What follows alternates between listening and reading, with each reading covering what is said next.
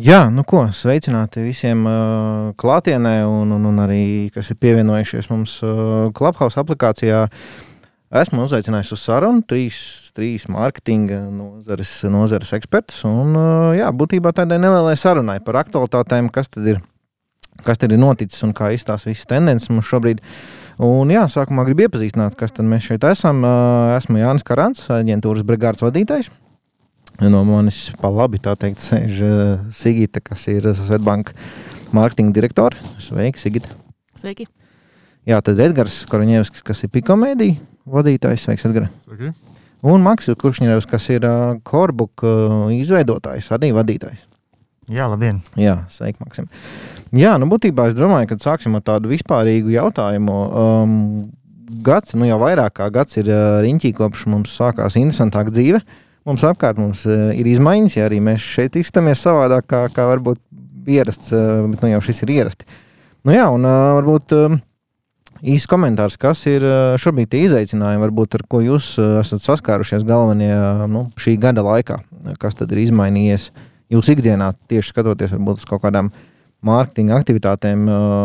Jā, katram, katram savs droši vien tā, tas virziens, bet jā, Sigita, varbūt tu sākt.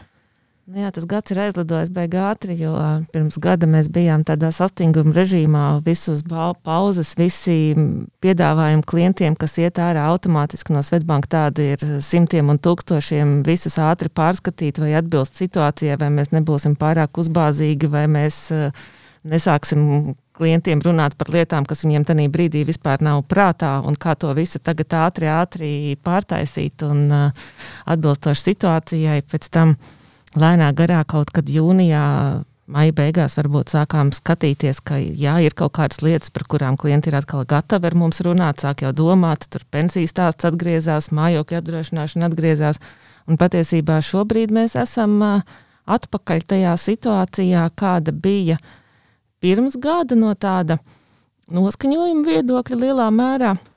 Bet tas, kas ir savādāk, ir pilnīgi pamainījies tas mūsu mārketinga miks tādā ziņā, ka mēs ieraudzījām īstenībā, cik liela nozīme tomēr ir dažādām klātienes un nedigitālajām lietām. Tas kā, varbūt drusku paradoks, bet uh, tad, kad viņas iztrūks, tad tu ieraugi tajā brīdī, kad tev liekas, ka tas ļoti digitāls uzņēmums, ka faktiski tomēr ir tās. Uh, mārketinga piltuves augšgalā, kur ir awareness eh, sadaļa, kuru tu nevari tā bums un uzreiz ar vienu svilpienu aizpildīt, eh, lai cik tev labi būtu internetbanka, bloks un visādi pārdošanas iespējas eh, attālinātās.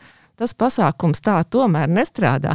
Un tad pamazām, sākot no pagājušā gada vasaras, mēs esam ļoti daudz darījuši, lai šo te uh, atpazīstamības, dažādu produktu vajadzības stāstu izstāstītu digitālā vidē, un tas ir lielāks darbs, tas ir tāds cherry picking, tas ir par webināriem, par semināriem, par dialogiem, par video konsultācijām, visu kaut ko tādu, ko mēs pirms tam darījām daudz mazāk.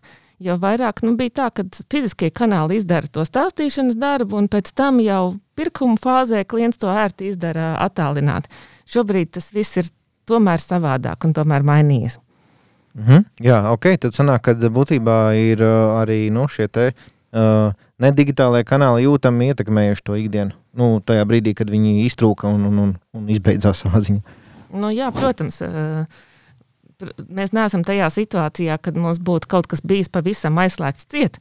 Arī mūsu fiziskie kanāli turpināja darboties, bet, nu, ievērojot visu drošības pasākumus, ievērojot klientu paradumus, tas vairs nav tā kā agrāk. Un, -hmm. Tur nezinu, klientu balvas mēs, protams, nerīkojam joprojām, un dažādas konferences un seminārus klātienē un tam līdzīgi. Tāpēc, tāpēc jā, tas secinājums ir, ka tu it kā domājām, ka visa pasaule virzās digitāli un esam tur gandrīz priekšgalā, un tad tā bums, un tad ieraugt, cik liela nozīme ir tai fiziskajai videi. Ok, super, paldies. Edgars, kā tev šis gads pagājis?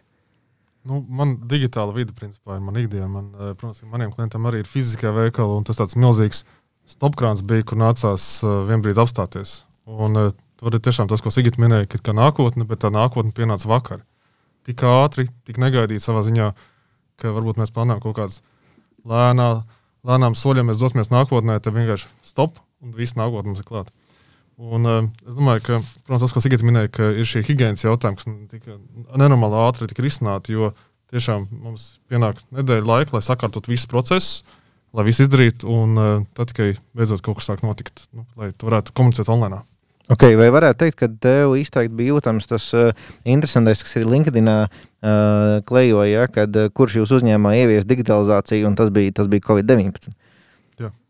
ok, interesanti, super, Edgars. Jā, uh, Maksim. Jā, es tieši gribēju teikt par to, ka uh, Covid izdarīja to, ko des, desmit gadus nevarēja izdarīt digitāls, digitālie speciālisti, digitālie stratēģi. Un uh, tādā piespiedu kārtā viss uzņēmums vienkārši lika aizdomāties par to, kādi, kādi viņi ir īstenībā tajā digitālajā vidē. Bet tas ra radīja atkal nākamo efektu, ka, kā es to izjūtu. Ja man sanāca pastrādāt gan ar maziem teiksim, ēdinātājiem, palīdzēt, kā tīri palīdzēt, ko tagad darīt kafejnīcā, restorānam, gan ar alus tirgotāju, gan ar autotirgotāju, kas, kuram pēkšņi visi saloni ciet, un tagad kā lai pārdod mašīnu internetā vai ne. Un tad, uh, steidzami jātaisa kaut kādi veikali, e-veikali, kaut kādi jauni digitāli risinājumi, 360 grādu skati un tā tālāk. Un tādā ziņā mm, tas ir tas uh, droši vien tas caurums, kas bija pirms tam. es es nevis caurums, bet tā vide, kas pirms tam bija klātienes, bija steidzami jāizpilda kaut, ar kaut ko digitālu. Bet tas uh, blakus efekts tam visam tāds paradoxāls, atkal, ka, tā, ka visi centās ieiet tajā digitālajā vidē un parādīt, kā viņi to var atrisināt, tas atkal radīja baigot troksni tajā digitālajā vidē. Un atkal, tas, ja mēs runājam par reklāmu, par mārketinga aktivitātēm, tad uh, tas uh, mārketinga aktivitātes tieši online dramatiski pieauga, kas radīja atkal baigo cilvēkiem nu, tādu pār, pārbagātību ar informāciju. Un atkal bija jāmeklē kaut kāda risinājuma, kas būtu vairāk izceltos starp visiem pārējiem visiem e-veikaliem, visiem kafejnīcām, kas pēkšņi sāka pie, piedāvāt piegādi uz mājām. Viņiem arī visi sāk kā, izmantot Facebook reklāmas? Un, uh, un cilvēks vienkārši tiek nospamots ar daudz, mm. daudziem dažādiem piedāvājumiem no katras stūra, no katras kafejnīcas, kas var piegādāt viņam burgeri. Vai... Tas piesātinājums attiecīgi kļuva tik, tik, tik liels, ka, ka cilvēki droši vien arī vairs nesaprata, nu, kas, kas, kas, kas notiek. Un tad, tad sākās kaut kāda cita vērtēšanas kritērija. Tur vairs nepietika ar to, ka tev ir vienkārši kaut kāds skaists bildīt vai ziņa, ziņa, ko tu nodod. Tev jāsāk domāt, ar ko tu atšķirsies un kā tu īstenībā profilēsi savu piedāvājumu. Droši vien tas ir tas lielais challenge pēc tam, pēc pirmā, kā, pir, pirmā šoka, ir kā, tas, kā tu vari atšķirties no tiem pārējiem piedāvājumiem, kas tajā brīdī digitālajā vidē parādījās. Mm. Jā, jā. Ja drīkst piebilst kaut ko, tad tas ir man novērojami. Ņemot vērā, es arī daudzus arī studentus mācu attālināti, un no visas Latvijas sanāca attālinātās mācību kārtās. Un tas, ko es redzu, kas sarunās cilvēkiem, ka, kad pienāca šī x stunda, viņi ķēra un grāba un paši darīja. Viņi centās, viņiem ļoti daudz kas nesanāca ļoti daudz bija priekšstats izveidots pilnīgi nepareizi par digitālu mārketingu. Tā skatīja par personas datu pārvaldību, tā skaitā bija daudz baltu pleķu. Bija, un tur nācās principā tādus iesakņojušos priekšstats par to, kas strādā, kas nestrādā un kā strādā, nācās ļoti pamatīgi laust. Es domāju, tas būs arī tas, ko digitāls mārketings tagad saskarsies nākotnē. Aģentūras atkal sāks darbu, saskarsies to, ka iesakņojušies kaut kādi paradumi, to es darīšu tā, mēs vienkārši turpināsim. Bet tā nav pareizi. Okay, skaidrs, jā, par datu aizsardzību arī mēs noteikti parunāsim nedaudz plašāk, bet otrs, otrs tāds noteikti uh, virziens, kas, kas, kas nu, ļoti, ļoti būtiski parādījās, bija e-komercija un e-komercijas izaugsme. Un, diemžēl, bet, bet mūsu sarunai nevarēja pievienoties Sanita Bērziņa, kas ir Barbaras izpildirektore, un, un, un būtu interesanti dzirdēt viņas pieredzi tieši šajā sakarā. Jo daudz tika runāts par to, ka jā, ēdienu pasūtīšana, teiksim, produktu pasūtīšana, pārtiks piegāde. Uh, um, online, jā, attiecīgi internetu veikalā ir tāda nākotne, nu, kad citās valstīs viņu ir kā, vairāk jau cilvēki kā, sākuši lietot, jā, bet nu, Latvijā viss tādi kūtri un, un, un, un tā. Bet tā kā, tā kā tu teici, ir pienācis cik stunda, ja, un tad, tad, tad nu, radās gan jauni, gan jauni starpnieki, gan jauni e-veikali, gan, gan, gan piegādes uh, problēmas uh, risinātāji, ja, kur, kur, nu, kurais. Un, un, un, jā, tad attiecīgi, kā jūs vērtējat, varbūt gan no profesionālā viedokļa, gan varbūt arī paši kā, kā mm, patērētāji, varbūt, ja, kad tajā brīdī, kad, kad, kad bija tāda šauba, nu, iet uz to veikalu klātienē vai neiet, vai, vai, vai nu, kā, kā, kā, kā jums notika. Jo es katrā ziņā varu pateikt, ka uh, dzīvojot Siguldā, tā problēma ir diezgan vienkārša. Jā, veikali bija vaļā, un, un, un viņi nebija, nebija pārpildīti, viņi bija diezgan tukši, un tu diezgan droši jūties. Ja? Un, un, teicīgi, tā, tā, tā pārtikas iegāde uz mājām nebija pat baigā opcija. Jo, nu, Lāga neviens negribēja tur tagad vizināties 50 km no Rīgas. Līdz ar to nu, tā problēma kā tāda atkrīt. tā kā, kā, kā jums var būt droši, kurš? Nu, es varbūt varu sākt, jo Svetbanka piedāvā arī maksājumu risinājumu iespējas uzņēmumā, nu, e-komercijā. Un, uh, Savukārt, manas nodaļas uzdevums ir šos risinājumus reklamēt, un uh, tad uh, mēs redzējām, cik milzīgs uh, tas konkurences pieaugums pēkšņi parādījās. Uh, Jo, ja mēs līdz šim ar vienu budžetu varējām savus mērķus izpildīt, jaunu klientu piesaistīt, tad, tad tā visa reklāmas cena tieši uz atslēgas vārdiem, kas ir par e-komercijas tēmu, nu, tur aizskrēja debesīs trijos mēnešos, un lai tu dabūtu tādu pašu klikšķu skaitu, šogad mēs jau maksājam divreiz vairāk par to. Un, uh, šobrīd ir jūtams, ka ir tas piesātinājums. Nu, faktiski visi sāk ar e-veikalu, nevis ar uh, fiziskas lokācijas izveidi. Visi uzreiz uh, slēdz maksājumus, ir parādījušies uh, daudzāki šo maksājumu piedāvātāji, jo okay, lielie milži vēl Latvijā nekonkurē Facebook un, un pārējie, bet gan jau arī tas vēl drīz vien atnāks. Tur nu, tā situācija diezgan interesanta. Protams, ka banklinkam ir priekšrocības, jo tas ir ērti. Klientam ir maz datu jāievada, tas ir ērti tirgotājiem, jo viņš faktiski uzreiz saņem naudu kontā. Bet nu, vienalga tagad arī par to tirgu notiek tā. Nu, tāda ņemšanās, teiksim tā. Bet tas, ko mēs redzam no klientu uzvedības savukārt pie mūsu tirgotājiem, tad uh, tie pirkumi vairs nav, nu, kā ja salīdzinām varbūt ar fizisko vidi, ir daudz mazāk impulsu pirkumu, nu, jo cilvēks neiet garām veikalam, kur viņš ieraugs katlogā kaut ko skaistu. Internetā tu, tu tikai tiec uzrunāts, nu, kā jau kolēģi minēja. Katlogs nāk pie tevis. Skatloks nāk pie tevis, viņa sakrīt čupā daudzi, visi tevi izbēsīja, un tu beigās nevienu neko nenopērci. Bet tad, kad tu apzināti pērci, tu pērci retāk, bet tu pērci lielāku pirkumu grozu pat, ne tikai pārtikai, bet to var redzēt apģērbu, apavu visādos veikalos, ka cilvēks nu, ir sa safokusējies, ka tagad es iepirkšos, un tad es iepirkšos tā kārtīgi. Tā ir tāda varbūt interesanta tendence, kur nu, nebija pirms tam tā novērot, un kas noteikti ir izraisīta ar visu šo mūsu paradumu maiņu. Jā. Paturpinot, mazliet piekritīšu, arī līdz šim arī bija daudz dzirdēts par to apavu internetā. Nē, ne, nekādas nepirkšu apavus internetā. Tagad ir daudz sapratuši, ah, ir atgriešanās iespējas, ir papildus iespējas. Un eh, kas vēl iepriekš, Smart ID ir arī devis milzīgu tādu uzrāvienu, nu, jau aptuveni divu gadu atpakaļ, kad kodu kārts tika atslēgts, tad senioru grupa savukārt arī saka, onboardojās uz, uz telefoniem. Un tad pēc tam bija ģimenes WhatsApp grupas, un tad eh, vecāki tajā WhatsApp grupās arī pieslēdzās seniori. Un seniori īstenībā kļuvuši arī ļoti aktīvi tajā pašā internetu pirkumu veikšanai. Un šī Covid krīze vēl vairāk to piespiedu darīt. Un, un tad, līdz ar to arī vairāk, vairāk mēs runājam par to, ka arī kādas kampaņas, runājot ar klientiem, runājot ar tādas konsultācijas, apmācības. Es, saku, es jums varu pateikt, kā bija pirms mēneša, bet es nezinu, kā būs rītā. Jo tas tik strauji mainās. Valdības lēmumi, lietotāju paradumi, Facebook, Google, Apple kaut ko izdomās tehnoloģiski painīt. Mēs to vairs nevarēsim izdarīt. Privātuma politikas, remārketings mainīsies nākotnē ar Google, visu privātuma politikām. Tas viss mainās ļoti strauji. Es saku, ka straujāk par digitālu mārketingu mainās tikai bitkoina vērtība. nu, tas ir. Tad to jāsadzīvo. Mums, nozīmē, ka mums tehnoloģiski digitālā mārketinga cilvēkiem ir jāsako līdzi, un arī klientu uzvedību jāanalizē visu laiku. Jā, tas nozīmē, ka tā ir būtībā nemitīga būšana tādā, tādā fokusā, vai ne? Ka tu nevari ieviest kaut kādu konkrētu lietu un pieļaut, ka, ka tagad nu, divus, trīs mēnešus tas tā darbosies un viss būs, viss būs kārtībā. Vai ne? Visu laiku jābūt tādam nedaudz uz adatām. Maksim, kā tev šis e-komercijas jautājums? Nu, Korbukā e-komercijas ir maz, bet uh, atkal no tādas uh, vairāk no specialitātes pieredzes. Atceros, pirms kādiem trīs gadiem sēdēju vienā autora izplatītāja, ražotāja mm, pārstāvi oficiālā, un mēs runājām par to, ka vajadzētu ieviest online kaut kādus uh, rīkus, kā var pasūtīt automašīnu internetā. Un tas, nu, tas teksts bija tāds, ka nu, neviens jau nepirks automašīnu internetā. Nu, visiem vajag to salonu.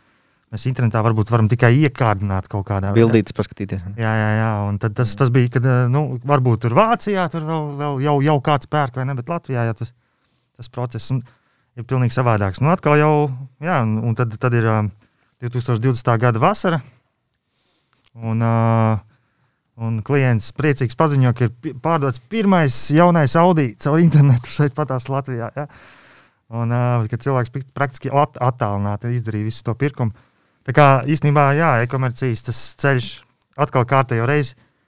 Šis Covid ir devis kaut kādu spērienu, ļoti tādu stipru spērienu, šokveidīgu spērienu, kurš, kurš to, kurš to e-komercijas procesu un vispār mindsetu, to domāšanas veidu cilvēkiem ir mainījis.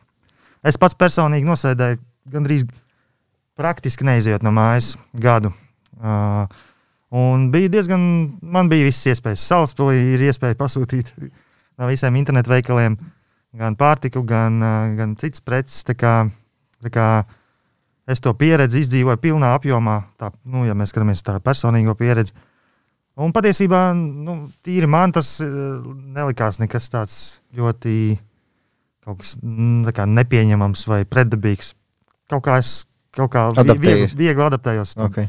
Labi, tu pieminēji um, jā, nu šīs iespējas, uh, iespējas pasūtīt, un, un, un, un Sigita pieminēja uh, maksājumus, ja, un šos visas uh, ērtības, nu, kad, kad tas ir būtiski arī klientam. Un, un, un kā jūs vērtējat, attiecīgi, ļoti īsi būtībā šo te, cik svarīgi no tāda e-komercijas lietotāja aspekta ir šis maksājuma iespējas, jo, manuprāt, tas ir diezgan, diezgan key faktors būtībā, ja, kad, kad, kad nonākot līdz tam uh, līdz tam iepirkuma grozam, līdz tam maksāšanai, tad attiecīgi, kad, hei, vai es, vai es varu ar tiem pāris klikšķiem ērti, saprotami, uzticami norēķināties vai nē. Uh, pieminēja Google Pay, Apple Pay un tādas lietas, bet kopumā man ir sajūta, ka tā auditorija, kas, kas, kas šos risinājumus lieto, ir uh, gaužām maza. Uh, labojieties, kļūdos. Es gribēju pateikt, mums ir tāds insider joks Korbukā. Uh, Mums arī ir maksājums caur internetu, un viss, viss, viss pakalpojums tiek apmaksāts automātiski, izmantojot kredītkarti. Un tad, pieņemsim, kādu, kādu, kādu brīdi tu skaties statistiku, ka tev nāk iekšā trafiks, bet pirkums nenotiek. Tad pirmais, ko tu pajautā programmētājiem, klausies, mums maksājuma sistēma strādā, tur viss ir kārtībā. tas ir joks, ka tas ir pirmais, par ko tu iedomājies, vai, vai strādā sistēma. Ja? Kā, vai, vai, vai tas galvenais, svarīgākais ir kā, moments ir uh, nodrošināts. Kā, tas ir ļoti būtiski, ļoti būtiski. Tas ir visiem pārdevējiem, visiem, kam, visiem, kam ir šīs pakalpojumu sniegšana, man liekas, uh, jābūt ļoti lielai uh, uzticamībai sistēmai, kas, kas apkalpo viņu maksājumus. Mhm. Tad droši vien, kad Jā, Edgars, varbūt, jā. Um, jā, kā tu vērtē tieši no šīs varbūt, digitālā aspekta, jo uh, viens ir tas, cik mēs, kā mēs te runājam, kad skatloks nāk pie tevis, jā, viņš var nākt ļoti skaists, krāsains un vilinošs, jā, bet tajā brīdī, kad tu tiec līdz kaut kādai nepārdomātai iegādes uh, sistēmai, jā, kā Maksims saka, nu, tā, tas, tas viss ir vējā. Nu, jā, šeit ir maksājuma sistēmas, noteikti būtu jāsaka, kas ir auditorija. Ja auditorija mums, teiksim, nāk no ASV, tur atkal savukārt ir citi zīmolu, kurus viņas pazīst, Brain, Brain 3, Stripe, kas viņam liekas uzreiz drošumu iedod, vai PayPal. Tāpat arī Latvijā. Un, uh, savukārt, arī, ja kāds varbūt seniors iepērkās, viņš redz kaut kādu neminējušu vārdā, bet varbūt kaut kādus tur nezinām, viņam nezināms, mazāk zināms Latvijas maksājuma servisu. Domā, tā, kas tas tāds? Līdzās neizstās īpaši labi. Ņemot vērā visu krāpniecību, vispārējais, protams, ka cilvēki ir nobijušies. Un tas var būt tāds faktors, kur trūkst uzticamība. Ir cilvēki, kuri varbūt 1 eiro, 2 eiro samaksās par pakalpojumu, viņam tas mazāk būtiski. Bet, ja tu pēc lielāku sadzīves tehniku vai lielāku pirkumu, tūkstotis automašīnu, nu, jā, tur kredītkartē būs grūtāk maksājuma karti, bet nu, idejas, ka, jā, protams, cilvēkam nebūs uzticamības. Okay, Sigit, kā, kā, kā no jūsu skatu punkta, teiksim, nu šī te, šī te varbūt uh, komersantu uh, domāšana, ka, hei, nu man taču būs kaut kāds risinājums, un tur būs, tur būs kartes, un, un viss būs kārtībā. Un tad Um, jā, ir kaut kāds nu, teiksim, redzējums, kad paiet laiks, un, un jā, viņi atgriežas un saka, nē, tomēr mums vajag to, to, to, tos uh, mūsu banku logo tajā lapā. Nu, savādāk tas klients nejūtās droši. E, tā, to mēs esam piedzīvojuši, nereti esam piedzīvojuši, bet es gribētu, laikam, tagad atcerējos vēl vienu ļoti būtisku aspektu, ar ko šis gads ir iezīmējies, tas ir iezīmējies ar milzīgiem daudziem krāpniecības gadījumiem. Uh, Mēs katru dienu, diemžēl, saskaramies ar situācijām, ka mūsu klienti ir aizskaitījuši naudu kaut kur, kaut kam, vai nu pēc telefona zvana, vai pēc īsiņām, vai pēc e-pastiem, vai pārpikšķerēšanas. Nu, tur tie metožu eh, daudzums ir eh, neiedomājams, izdoma arī. Un, eh, tas, cik ļoti jau skaisti īstenībā digitālā vidē, diemžēl, var nofeikot tos pašus banku logotipus, tos pašus uh, ziņojumus no bankas, vai nu, tagad drīz droši vien mēs varēsim, diemžēl, arī zvanus. Uh, dažādās veidos feikot ar visu video un visu to pārējo. Nu, ir jau tie gadījumi, kā mūsu paši mediji ir diemžēl uzķērušies uz feikām personām. Tā, tā industrija, diemžēl, attīstās ļoti, ļoti ātri. Un, tieši tā kā tu minēji, klienti to klienti komersanti, kas ir mūsu klienti, to pamana, ka tas ir diezgan būtisks faktors. Un, un, un, un es nevarētu nekādā veidā klientu vainot. Mēs arī cenšamies no savas puses diezgan daudz darīt tieši izglītojošās kampaņas, gan ar asociāciju kopā mēs palaidām šogad. Uh, gan arī banka atsevišķi mēģinam skaidrot, kā klients var uh, identificēt tās situācijas, kā viņš var uzmanīties. Un tas, tas temats būs ļoti, ļoti svarīgs. Vēl viena lieta, ko es gribēju pieminēt, īstenībā ir par mobilajām ierīcēm, ir tāda interesanta situācija, kad uh, tādā brīdī, kad klienti taisa e-veikalu, viņi kaut kādā reizēm piemirst, kā viņi paši uzvedās kā patērētāji un būvēt to e-veikalu un tieši to maksājumu daļu tā, it kā tā notiktu uz desktopa, bet faktiski jau viss notiek uz mobilās ierīces. Un tad tur gan mēdz notikt, ka tā poga ir kaut kur, kaut kur nākamā, vēl nezinu kur, un rezultātā it kā tehniski viss ir kārtībā, bet klients to darījumu neizveic, jo viņš kaut kur tur pa vidu beigās pazaudējās.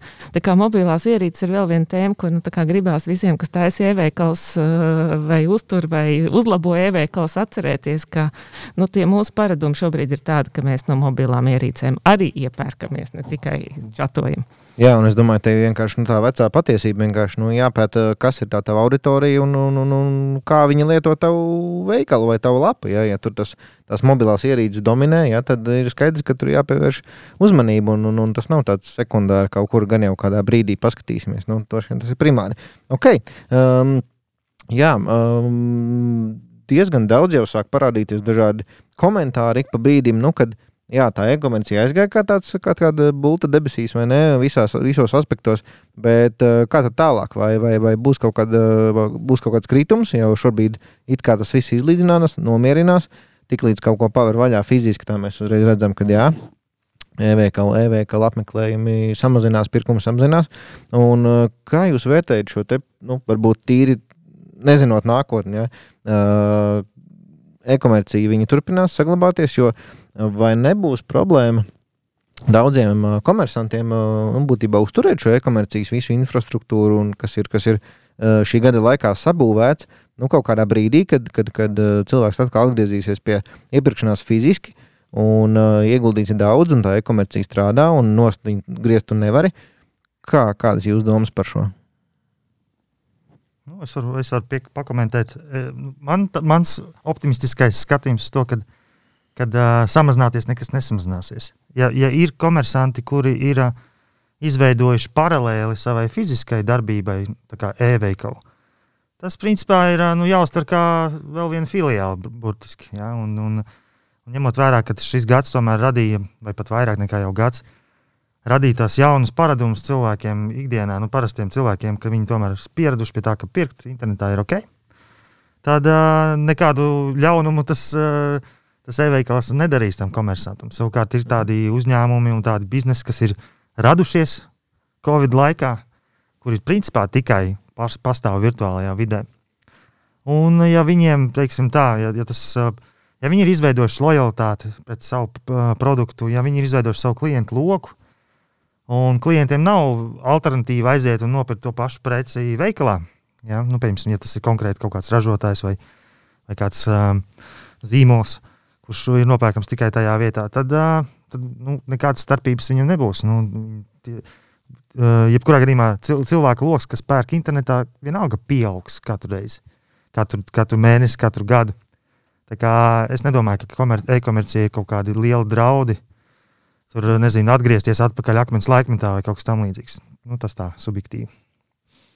Es gribētu piebilst par to Mārtiņu tuneli, ko Sigita minēja. Ka, ja mēs skatāmies atrodamību, tas ir pirmais solis.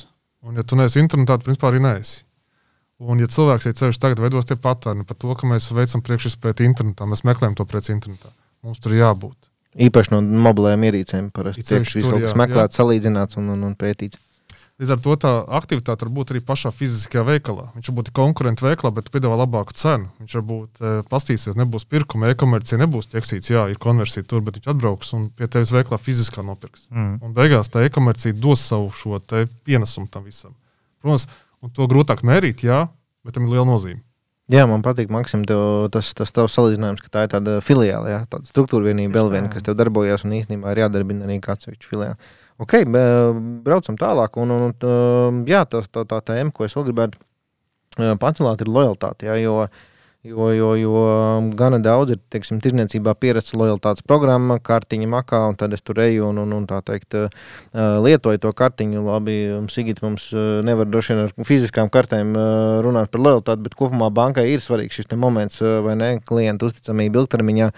Un nu, šī digitālā uh, digitālā vide. Um, kā jums liekas, ka jūs esat pamanījuši, vai atkal mēs neesam iebraukuši tādā, tādā uh, nu, tīra, tīra, tīrā reklāma, reklamēšanās, ja nāc pēc un, un, un uh, lētāk, lētāk, vairāk, vairāk, un, un, un tas piesātinājums, par ko mēs runājam, jau sākumā ir tik milzīgs, ja, kad, kad um, vai nav tā, ka mēs nedaudz sākam aizmirst par to, kad uh, ir opcijas, kā arī to klientu uzrunāt atkārtoti, ne tikai visu laiku mēģināt uh, Uh, nu, teikt, mē, ar, ar tādu reklāmas kampaņu pārdošanas metodi tikai visu laiku nākt un mēģināt viņam atkal nopārdot uh, nu, tādā ļoti primitīvā veidā. Varbūt.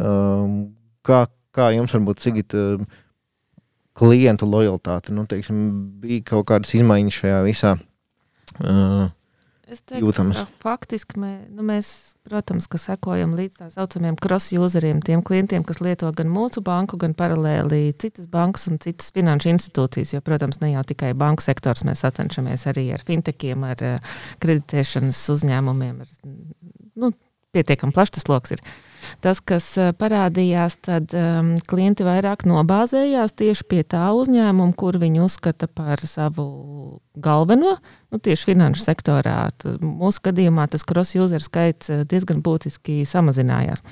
Protams, tas ir ņemot vērā arī cilvēkiem mazāk aktivitāte. Tad, ja tev nedari daudz pirkumus, neceļo, tad tu skaidrs, ka tev nav vajadzīgas trīs bankas, kurās tu to darīsi. Tu paliec pie tās vienas. Bet, jebkurā gadījumā tā sajūta bija par to, ka tieši zīmolam paliek lielāka nozīme. Jo tad, kad tev bāžās virsū pieci, nu, tad lielāku varbūtību tu izvēlēsies to, kur uh, tu zini, pazīsti, vai kurš tevi tīri emocionālāk uzrunā, ne tikai ar to pēc, pēc, pēc ātrāk, lētāk un tam līdzīgi. Tad hipotēze, kāpēc varbūt mēs mazāk uh, šobrīd strādājam uz lojalitāti, es domāju, ka visi kopā uh, ir eh, tas pats jau pieminētais eh, datu un datu aizsardzības stāsts, jo tas jau ir jādara jau gudrāk, atbilstošāk likumdošanai. Nu, tu reklāmu var parādīt jebkuram faktiski, uh, tad viņš pie tevis atnāks, bet, lai tu varētu klientu uzrunāt atkārtot, tev ir jābūt viņa piekrišanai, tev ir jābūt uh, normālā veidā glabātiem datiem, normālā veidā izmantotamiem datiem. Tas jau ir tas nākamais līmenis. Tas nav tā kā uztaisīt e-veikalu un iebliest reklāmu. Tur jau ir. Eh, tā ir tāda pārvaldība, ja tad esošo klientu datu pārvaldība, ja droša, gudra, pārdomāta. Ja nevis mēs tos Jā. datus kaut kā, kaut kā tagad dragājam riņķī, kā nu sanāk, bet mēs. Eh, nu, tā teikt, gudri un pārdomāti pret, pret tiem attiecamies, atbildīgi savā ziņā, vai ne? Nu, protams, un uh, mūsu sektorā tas ir ļoti, ļoti būtiski. Tas nākotnes stāsts jau ir par to, kā jaunā valūta būs klienta piekrišana vispār viņam kaut ko rādīt, kaut ko sūtīt, kaut ko ar viņu runāt. Un tas nebūs vairs tāds. Uh, nu, tā viegli palaižams stāsts. Tas, tas prasa daudz resursu uzņēmumu prasa, pusē. Tas prasa juridiskās zināšanas, tas prasa datu analītikas resursus, tas prasa glabāšanas. Tur nopietna tā, tā, tā, tā tēma ir un paliek aizvien nopietnāk uz priekšu. Tāpēc, tāpēc es domāju, ir tā situācija, kad vairāk vienkārši ir tas pamatlīmenis pašlaik dominē. Jā, um, klienta piekrišana kā vērtība, tas man liekas ļoti labi. Jā, jo agrāk es teicu kaut kādā savā uh, lekcijās un vēl kaut kur, kad dati ir tas, eh, mūsdienu nafta, ja, kad dati un informācija ir ļoti svarīga. Un, un te mēs ejam nedaudz tālāk, ja piekrišana vispār šos datus apstrādāt vai nē, vai vispār mēs drīkstam viņiem, viņiem skarties klāt. Un, un, un tā, jā, tas nav maz, mazsvarīgi. Uh, jā, Edgars, tur pieminēja šo datu aizsardzību, varbūt tev arī lojalitātes uh, nu, programma vai lojalitātes. Uh, kā tādas ilgtermiņa stratēģijas ziņā ir kaut kāds komentārs. Es teiktu, tā, ka ja man ir vairākas mobilas aplikācijas, ir, un tur, tur savukārt ir rēta, ka var sūtīt paziņojumus ne, ne personalizētai auditorijai, bet vienlaikus viņus sasniegt. Un uh, arī dažādi web paziņojumi, arī, kas parādās, tā ir iespēja apiet mazliet šo, šo datu aizsardzību. Tad anonīmi nedaudz. Anonīmāk, jā, bet mm. nāk, tu vari, vari segmentēt auditoriju. Bet uh, tas, kas ir varbūt jāņem vērā, kas arī mainās, ka komunikācija jābūt tomēr vērtīgākai. Un nevar vienkārši močīt bannerus. Un uh, atskaities, paskatīties, lūk, mums vienai personai vidē mēs parādījām mēnešu laikā 50 reizes to banneri. Un tālāk, kas bija tā pievienotā vērtība auditorijai, kur tu spēj sniegt. Un šī gadījumā arī es pats arī bankās, Sebankās strādāju, mēs ar veidojam satura mārketingu. Es redzu, ka ļoti kvalitīvi to arī Svetbanka dara. Tā ir iespēja novērst šo banneru aklumu, ka tu nevis nāc vienkārši, hei, mums ir piedāvājums, bet hei, mums ir padoms, mums ir vērtīga informācija. Mums ir kaut kas, kas palīdz sasniegt arī tavus mērķus, ne tikai mūsu biznesa mērķus. Un es domāju, satura mārketings tas, tas, kas ļauj izlausties cauri un arī veido lojalitāti. Lai lojalitāte nebūtu tikai tas, hei, rek, mums, mūsu klientu klubiņam ir 5% atlaide. Tā nav gluži lojalitāte. Tā ir uzpirkšana. Tā ir. Jā, tieši tā, es pilnīgi piekrītu. Tā ir tāda klienta, klienta nopirkšana ar atlaidi, vai ne? Un, un, un jā, es pilnīgi piekrītu. Nav jau mārketinga mērķis parādīt baneri, vai ne? Nav jau mūsu mērķis vienkārši parādīt x reizes vai, vai dabūt x klikšķus. Mums jau ir vajadzīga kaut kāda konversija un kaut kāda, nu, teiksim, vēlams arī atkārtot konversiju un, un, un teiksim, ilgtermiņa sadarbība. Uh, Maksim, uh, Corbuk ir platforma, kurā uzņēmumi var veidot, pārvaldīt savu uh, uh, vizuālo identitāti, nu ne tikai vizuālo, jā, attiecīgi kopumā, kopumā zīmola, visas, visas uh, saistītās um, lietas. Um, jā, nu lojalitāte ir tāds ilgtermiņa risinājums, kas jābūvē. Uh, kā tu vari būt no šiem te, no šīs korbuka pieredzes strādājot ar zīmolu identitātēm saredzi vai tur um, nāk ārā kaut kāda, kaut kāda lojalitātes būvēšanas teiksim, tēma vispār, ka tas ir aktuāli un kad uzņēmumi par to par to runā. Ja, jo mēs šeit sapratām, ka jā, ātrumā mēs varam bliest reklāmā, jā, bet ilgtermiņā to lojalitāti dažreiz ir, ir sarežģīti un, un, un, un, un grūti, grūti būvēt. Jā, es tieši gribēju teikt, piekrist par to, ka lojalitātes programma un, un punkti un kartiņas un, un atlaides ilgtermiņa klientiem īstenībā nav nemaz nu, tā nav lojalitāte. Tas ir drīzāk ir tāds bonusu sistēma. Ja. Angliski ir tāds nosaukums incentive programma. Mm -hmm kas ir precīzāk apzīmē šo sistēmu. Savukārt, lojalitāte ir ļoti cieši saistīta tieši ar zīmolu. Jo, ko, ko nozīmē, kad uh, klients ir lojāls kādam zīmolam? Tas nozīmē, ka viņš identificē sevi ar, ar tām pašām vērtībām, ar, tām pašam, ar tiem pašiem mērķiem un tām pašām, nu, teiksim, to pašu līmeni, kā, kā komunicē pats uh, šīs zīmols, šis uzņēmums. Un, uh, es teiktu, ka nevis lojalitāte veicina zīmola vērtību, bet tieši otrādi - veidojot zīmolu un kā, nepārtraukti būvējot savu zīmola vērtību caur, caur, caur komunikāciju, caur pareizi, pareizi nostādītu toni un, un lietām, par ko šis uzņēmums iestājās. Tad veidojās īstā lojalitāte. Tad, tad, tad, ir, tas, tad, tad ir tas klienta teiksim, uzticamības kā bonus kredīts, kas ir iedots arī pie nosacījuma, kad kāds konkurents atnāks pie šī paša klienta un piedāvās nezinu, labāks, labāks nosacījums, labāks procentu likmes, labāks uh, atlaides un, un, un incentīvu programmas. Tas klients paliks tomēr uh, lojāls tam iepriekšējiem uzņēmumam, tam, tam, tam mūsējam zīmolam.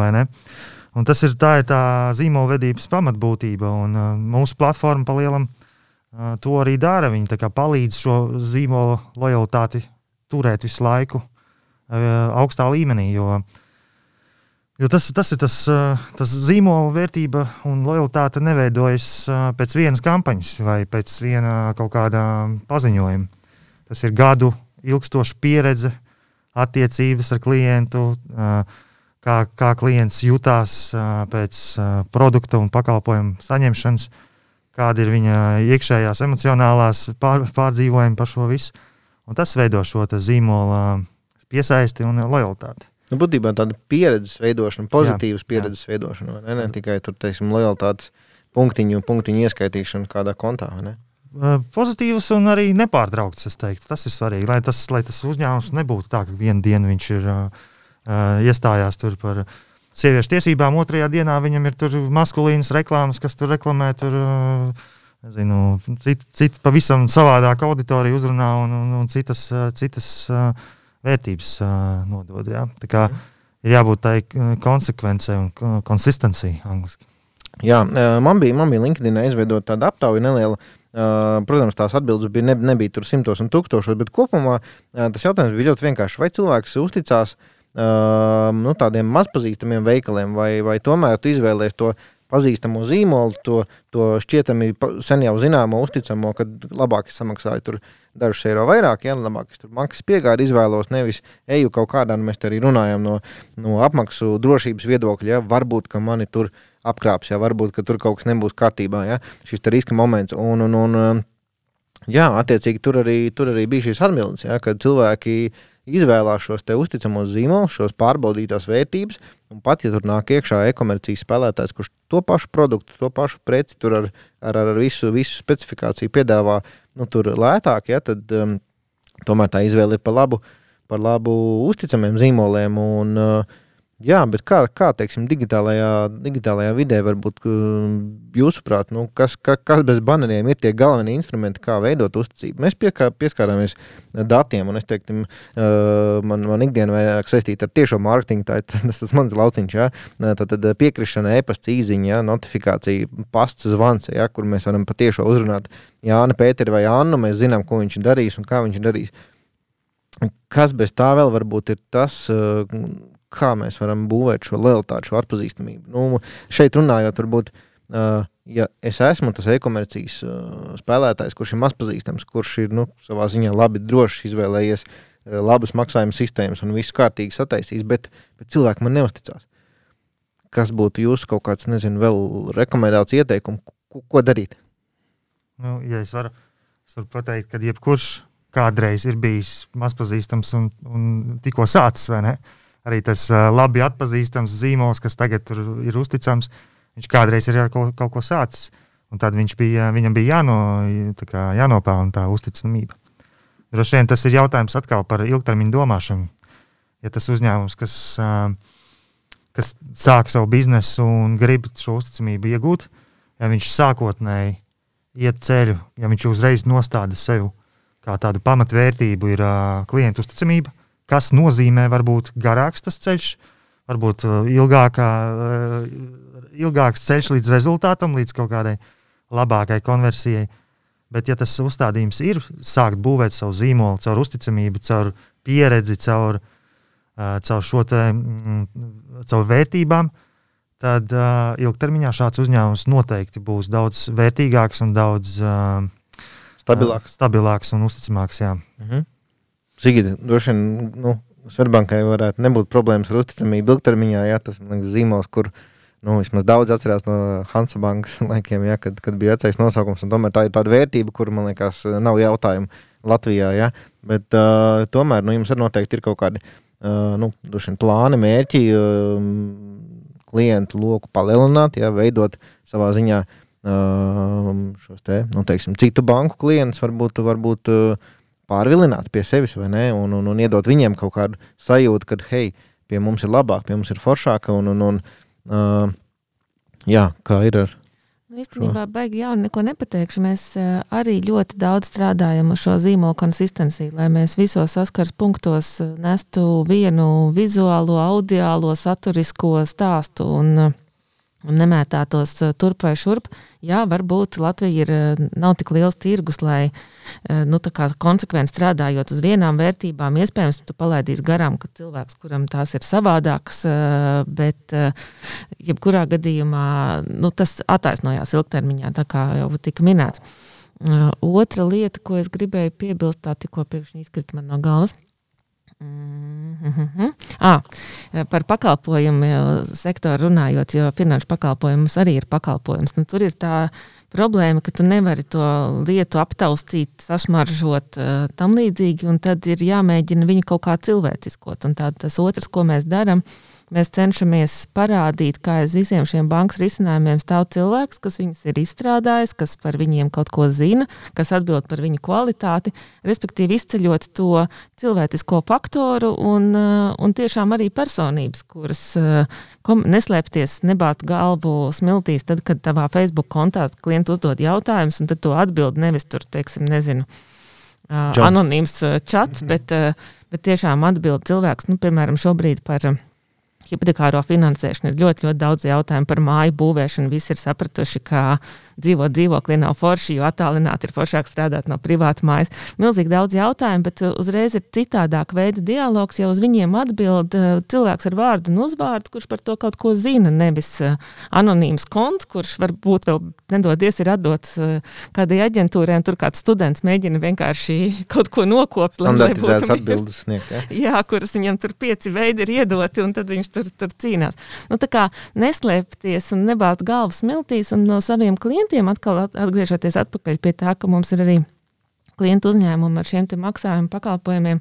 Nu, reizēm tādas elementāras lietas, kā ielikt kontaktinformācijā savu adresi, kaut kādu reālu telefonu, uz kuru tomēr gadījumā, ka nu, maz mēs jau tagad zvanām, bet tomēr var piezvanīt, arī tās piemirstās. Bet tās ir tās, kas vairo uzticību, ka tas nav kaut kas, Pieejamība. nezinu kas, bet tas ir tiešām. Mm, Atkal jau sanāk, ka aizvieto to fizisko vidi, jo, ja es agrāk gāju un redzēju to veikalu uz ielas, es zināju, nu, ka viņš te ir.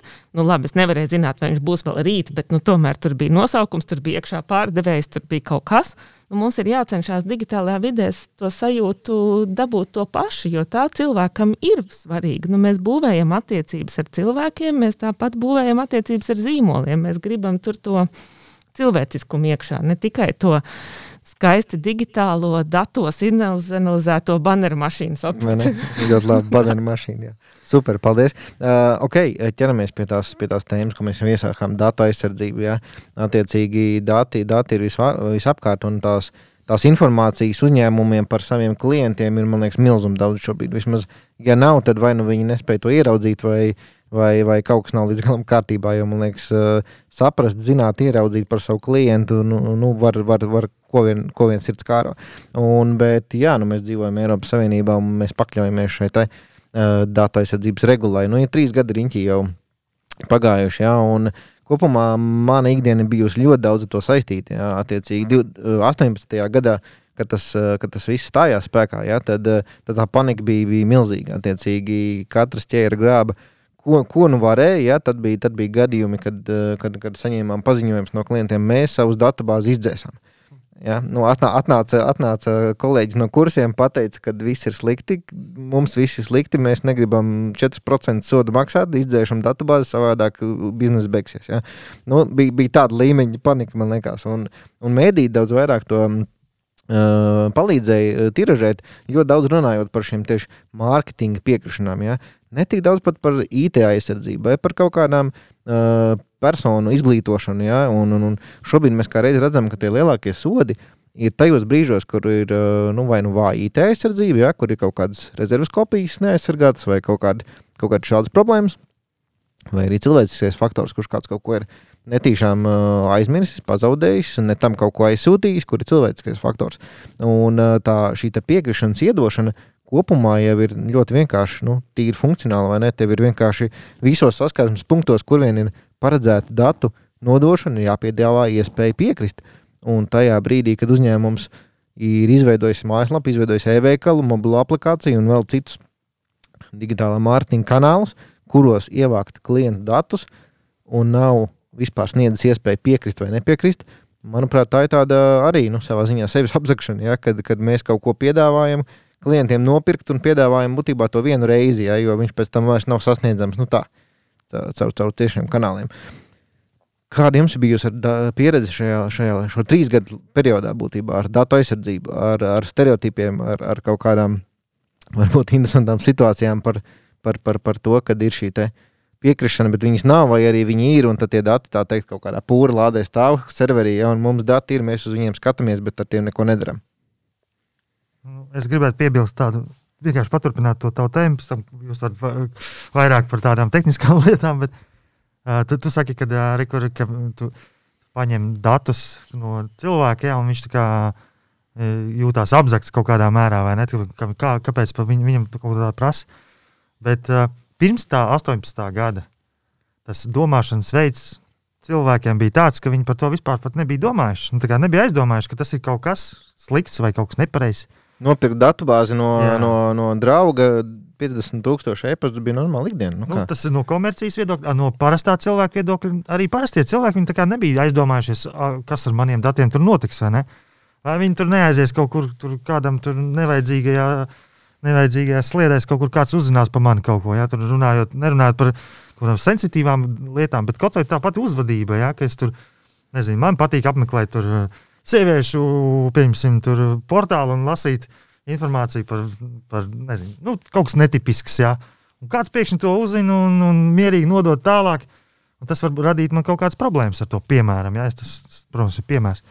Bet uh, vienkārši tā domāšana par to, ka tie dati kaut ko nozīmē un ka viņi var nodarīt kādu ļaunumu, pirms tam nemaz tāds nebija. Un man liekas, ka lai arī cik daudz zobu sāpes tās datu regulas mums ir sniegušas kā komersantiem, globāli skatoties, tas ir ļoti pareizi. Tas ir tas ir tiešām ļoti svarīga un nozīmīga lieta. Jā. Tas okay. tā personīgais okay. viedoklis. Nu jā, droši vien abas puses par to baigi neaizdomājās, jo uh, mēs arī piedzīvojam gad, gana daudz gadījumus, ja, kad, uh, kad uz jautājumu, nu, uh, no kurienes jums tad attiecīgi šī datubāze ir veidojusies un kā viņa veidojusies, uh, nu, mums iedeva vai, vai, vai pārdeva, ja, un attiecīgi nu, mēs, mēs te vai, vai paši kaut kur salasījām. Ja, nu, attiecīgi tad, tā, tad no, no, no uzņēmēja puses bija tāda pilnīgi viegliprātīga attieksme pret to. Tieši tā, kā saka, arī cilvēks varbūt netik daudz aizdomājās, nu, kādas pēdas es atstāju interneta vidē un, un, un kas ar to var notikt. Um, Edgars, jā. Nu šeit es teikšu atklāti. Es parasti sāku ar privātiem datiem. Ja tu nespēsi viņus kontrolēt un pārvaldīt, nemaz nesāc. Nevajag tev tos newsletterus, kur cilvēks pieteiksies, lai saņemtu 10% atlaidi un aizies prom. Ko tiem datiem darīs pēc tam? Ja tev ir plāns, ko darīt tālāk, ja tu apzinājies, ka tas viss būs jāuztur uz priekšu, ja apjoms ir liels, bet ja tev beigās būs 20 cilvēki pieteikušies, varbūt reizē mēnesī gatavos newsletteru un cik beigās vēl atvers vaļā. Ļoti vienkārši matemātika. Varbūt vienkārši apsēties, uzrakst to, ko tu labi zini. Uzrakst par savu produktu, ko foršu. Un nevis no mārketinga viedokļa, jūs esat balti pulkaini bet cik klientam tas viss ir noderīgi un kā, kā cilvēkam palīdzēs situāciju, ko risināt. Būs labāk laiks patērēs nekā, nekā tur. Pēc, eh, protams, tas ir bijis iepriekš svarīgi, un tagad vēl būtiskāk, ja vienkārši saprast, vai tiešām tu varēsi to visu nokopt. Mm -hmm. Ok, tu pieminēji um, piekrišanu, newsletteru, e-pasta mārketingu. Uh, bet nu, mēs runājam šobrīd arī daudz plašāk. Tā, tās ir arī ļoti aktuāli šobrīd šīs sīkdatnes, ja, kas, ar kur, kur palīdzību var, var ļoti daudz uh, izdarīt, ieraudzīt un, un, un, un, un teiksim, tā, par, par, par klientu uzvedībām un, un, un tās pašas atkārtošanas, nu, teiksim, remarketings. Ja. Um, Kolēģis eh, minēja interesantu, interesantu piemēru. Nu, iedomājamies, ka mums ir mājsaimniecība, kurā ir viena ģimene ar vienu datoru. Ja, un, attiecīgi, tur ir kāds kaut ko apmeklējis, ir saklikšanājis, ka viņš visam piekrīt, un tad nākamajā dienā kādam citam sāk rādīties reklāmā. Ja, tad liekas, kāpēc un kas te noticis. Un tad nāk prātā vecais stāsts par to, ka mazumtirgotājs uzzināja, ka, kad meita ir stāvoklī ātrāk nekā, nekā tēvs, ja, jo nu, vienkārši paradumi liecināja, ka, kad, kad nu, tiek, tiek iegādāts preces, kas raksturīgas grūtniecēm. Ja? Tad te ir tā dati un informācija, ko mēs varam secināt par to. Nu, bankās un finanšu iestādēs, man liekas, tā ir tāda. Nu, uh, tur, tur nav variantu, vai ne? Tur ir, tur ir uh, sākas. Tur, tur nav, tur ir tik daudz aizsardzības līnijas un tik daudz uh, dažādu veidu, kā tur mēs cenšamies. Brigāde droši vien, kas strādā to visu. Liela, lielāka nekā marketinga. Uh, tā kā, mm, protams, ka, ka tur tie līmeņi ir ļoti dažādi, bet mēs saskaramies ar tādu jau, varbūt es teiktu, nāko, nākamo izaicinājumu, jo uh, ar šo datu apsaimniekošanu un uh, atbilstošu izmantošanu mēs tiekam galā un mēs kā tu saki, tur nav vispār citu variantu. Tagad nākamais ir stāsts par to, vai saņemt piekrišanu eh, no klienta, ka mēs šos datus arī analizējam un piedāvājam viņiem kā, uzvedībā balstītus um, risinājumus. Jo, protams, ka bankai ir daudz datu par klientu. Neslēpšu, ka lielu daļu no tiem mēs nemaz nav mums rokas tik garas, lai mēs spētu analizēt uh, un, un, un tiešām ļoti precīzi un mērķtiecīgi piedāvāt klientam kaut kādu nākamo tādu finanšu pratības varbūt risinājumu. Un tas, ar ko es domāju, mēs saskarsimies tuvākā gada, pusotra, divu laikā, ir censties skaidrot klientam, ka faktiski iedodot šo piekrišanu datu apstrādāt, mēs datus apstrādāt, mēs centīsimies izturēties maksimāli atbildīgi un nevis tev rādīt in your face atkal tur desmit dažādas bannerus, eh, bet mēģināt saprast, kas varbūt tiešām no tā, tāda finanšu pratības viedokļa būtu svarīgi. Jo neslēpsim, milzīga daļa Latvijas mājsaimniecība joprojām dzīvo no algas līdz algai un neveido uzkrājumus. Nu, bankas loma tādā ilgtermiņā būtu par to, ka parādīt, tu varbūt kaut kādiem vienkāršiem soļiem var sākt, jo var būt visādas situācijas, kurās labāk ir, ka tev ir saplīsis leduskapis tomēr no saviem uzkrājumiem paņemt. Uh, tos līdzekļus, nevis viņus aizņemties, piemēram. Ja?